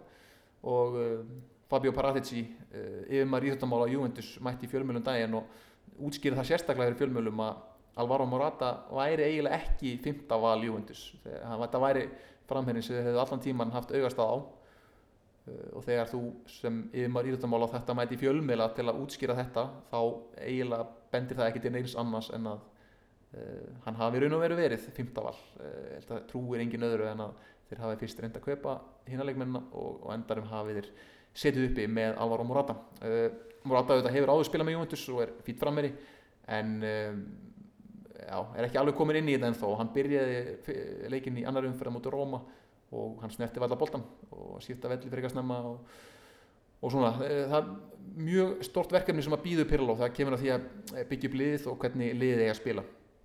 Annar leikmaður sem að Juventus kefti sem að hefur vakið mikla aðegli það er uh, Weston McKennie bandarískur miðjumöður sem kemur frá Schalke. Það hefur mikið verið skrifað um hann og talað um hann sérstaklega kannski í þessum bandarísku miðlum ESPN og The Athletic þeir hata ekki að þessi bandaríkjamaður komin til Juventus. Uh, mér so, hæpið svolítið mikið ef ég var að segja eins og er. Um, hann er ekki eins ungur um enn halda. Hann er 22 ára gammal hann er ekki ungur efnilegu lengur. Hann er að koma frá Schalke sem er búin að vera í stanslösi fallbaratu í nokkur ár í Þískalandi hann var sæmilegur í fyrsta leik á móti Sampdoria. Sampdoria kannski eitt svona slag, slagasta með kannski slökustu miðjuna í allir deildinni. Þannig að það var svo sem það var ekki erfitt það verkefni og, og mútið Róma var hann ekkit sérstakur. Þannig svona, ég mist mjög ólíklegt að þetta sé einhver laust við miðju vandanum Juventus. Þú losar ekki heimsmystara eins og Matuidi og, og samingi dýra og tekur inn ungan eh, 22 ára gamlan miðjumann frá bandaríkjunum og heldur að þú sett búin að leysa vandamálið. Þannig að Artur þarf að koma að inn. Hann verður byrjunlismæður og svo held ég að eins og Rodrigo Betancourt um, finnst mér ennþá betri útgáfa af Weston McKennie búin að spila yfir 100 leiki fyrir Juventus uh, og hann er bara ári eldri heldur en McKennie þannig að ég skilja einhvern veginn ekki okkur McKennie ætti að, taka þá stöðu svona auðveldlega. En fyrir leikmaður upp á breytina en, en svolítið vel hæpaður svona mínum að því Ronaldo er áfram á Juventus, hann var, var ekki sáttur eftir að þeir dutt út í mestrarleitinni auðvitað við Inter þá er þetta að segja að hjá Juventus er mestrarleitin aðal markmiðið það er það sem þeir heldur sér jafnvel tilbúinu til þess að fórna einum deltatilli til að ganga vel í mestrarleitinni það er þetta að segja ákveður þessu stað, staðinu núna hvort þeir séu líklegir. Pirlo, Pirlo er ennþá að púsla saman liðinu. Þeir eru ennþá að sanga þessi leikmunum þurfa að losa leikmenn til að geta keft leikmenn. Þeir eru sterklega orðaði núna við Federico Chiesa frá Fiorentina sem hefur lengi verið orðaði við þá en nú verist tíminn vera inn að Juventus er bara að reyna losa leikmenn til að geta keft hann. Hann mun henda held ég vel inn í Juventus. Þá eru komin með búin að ingja liði svolítið upp með vinnusama leikmenn leikmenn sem að vilja sanna sig en síðan hvort að gæðin séu þá til staðar til að vinna meðstæðleitina það er kannski aðeins meiri, meiri óvisa og þá er yfirferðinni yfir þessi 20 félag í serju að lokið. Og ætlum að færa okkur yfir í Íslendingahotnið þetta maður þess að skoða hvernig Íslendingurum vegnar sem eru þónoklir í serju B og uh, síðan auðvitað einhverjir úlinga líka. Uh, það eru líka fréttir. Í gær byrtist fréttum það að það eru tveir ungi blikar að fara til Bologna. Þeir halda út til Ítalju í dag hún á í lögadag, annan oktober, það er þeir Hlynur Freyr Karlsson og Gísli Gottskalk Þórðarsson sem að fara til Bologna á, hérna, á láni og svo er Bologna með kaupréttaðin þannig að við þetta, vonum að þeir feti í eh, fótspor okkar manns, eh, andra mannars sem er komið með segi, fimm ára samning hjá Bologna. Eh, Ari Sigurbólsson er eh, komin áttu til Bologna eftir láni hjá HK og eh, hann er líka búin að hérna, spila með úlingaliðinu og lagði upp þar í síðasta leikamóti úlingaliði Kievo. Uh, Óttar Magnús Karlsson og Bjarkisteinn Bjarkason eru þetta hjá Venezia í seríu B seríu Bellissima eins og menn á Ítalíu kalla þessa kannski fallegustu deilt landsins uh, Bjarkisteinn byrjaði síðasta byggarleikliðsins á móti uh, Carrarese þar sem er unnu 2-0 eftir því sem ég kennst næst þá byrjaði hann vinstra megin á miðunni í þryggjamanna miðju. Við spilaði 4-3-1-2 ekki með einhvern kantmann. Uh, og Óttar kom inn á uh, spilaði hálftíma. Og já, eins og ég hefði runnu 2-0 og það er góða frættir uh, eh, Bjarkisteinn var á begnum í fyrsta leik í deilt á móti Vicenza og svo er hérna svo er Venecia að spila á eftir setni dag, þannig að við sjáum þá hvort að hvort að þeir báðir, eða annarkor þeirra komið við sögu þar. Svo erum við með Birki Bjarnason í Brescia, hann hefur ekki spilað ennþá fyrir Brescia á þessu tífambili Uh, Brescia fjalliðið úr serju A í fyrra og það voru talsverða breytingar á liðinu. Um, Luigi Del Neri uh, þessi gammanreiti þjálfari sem hefur þjálfað Kievo, Roma, Porto uh, Juventus út í Nese, hann hefur þjálfað Emil Hallfredsson hann var ráðinn yfirmar írættamála svo var því breytt og hann var gerður að þjálfara Brescia. En Birkir Bjarnarsson virðist ekki verið náðinni á honum. Ég eiginlega skil ekki af hverju, Birkir klálaði að vera leikmaður sem að er nógu góðu til að spila í liði sem að fer upp úr serju B þannig að mér finnst það skrítið um, en ef hann verður hérna áfram þá held ég að hann verði fljótur að vinna sig aftur inn í byrjunlið síðan er, eh, veist, Holbert Aron Fríðarsson að vera leiðinni til Brescia. Þannig að spennt, við erum spennt að sjá hvernig honum er ganga á Ítali og gaman að fá ennþá fleiri hérna og fleiri ástæðu til þess að heimsækja Ítali og svo er, kannski ég veit að nefna líka Mikael Eil Ellersson sem er búin að vera í úlingalegi spál núna í nokkur ár hann er 2002 mótel hann er búin að vera að skora eins og óðumæðu fyrir Primavera liðið, U19 liðið. Primavera á ítalsku því er auðvitað vor nota, orðið notað um úlingaliðið U19 uh, hann er búin að vera að skora þar í bæði byggar og deilt uh, Spal úlingaliðið er öflutt þeir eru að spila við úlingalið Inter og Genoa og Sassuolo og hafa verið að vinna leiki, leiki. þannig að uh, það var náttúrulega hann fóði tækifæri líka. Uh, spalu þetta fjall líka úr serju A í fyrra þannig að maður myndi halda að, hérna, að það séu kannski minni peninga núna og þjálfari kannski uh, vilji freka að taka sensin á ungu leikmönnum og ég hef fylgst með honum í þólangu tíma og mér finnst svona skrítið að hann hafi ekki fengið fleiri tækifæri á aðaleinu en um, svo því miður þá síndist mér um daginn að, hérna, að Spal hafi hrúað inn uh, fullt af reyndum leikmönnum á láni. Þannig að þeir kannski ætla bara að taka gömlega góðu taktíkin og reyna að komast upp á einhverjum uh, gömlum lánsköllum. Komast aft, tannig aftur upp í, í efstild þannig að það kannski lofar ekki góðu fyrir hann en hérna, ég vonum að vonum hann á, ná að hérna, fá tækifæri með aðliðinu, mér finnst það eiginlega annað að væri fárálegt þarna með hvernig hann hefur verið að standa sig hjá uh, úlingaliðinu og svona rétt í lókin þá ætlum ég að fara hans yfir hvaða leikir eru í deildin í ár. Áðurinn í síðan í lók þáttar gef uh, gullnur ruslatununa Bidone d'Oro eins og hann kölluð á Ítalíu. Það var í mörg ár hefð að gefa gullnur ruslatununa til þeirra leikmanna sem að hérna, stóðu sig sérstaklega illa það tímabil. Um, og það er reyndar góð nöfn sem að fengi þessa ruslatunnu menn eins og Rivaldo Kastani Janker um, Al-Sadi Gaddafi svonur einræðisherrans sem að leik með Peruzia uh, á einhverjum óskiljanlegan hátt eða, eða mjög skiljanlegan hátt, hann alltaf bara borgaði sér inn í lið, uh, Quaresma Amauri, Milos Krasic hjá Juventus fekk gullnurúslatununa Felipe Melo, stoltur handaði gullnurúslatununar þegar hann var fengið til Juventus sem playmaker, en enginn vissi að hann gæti ekkert spilabóltanum, heldur var hann bara tæklari.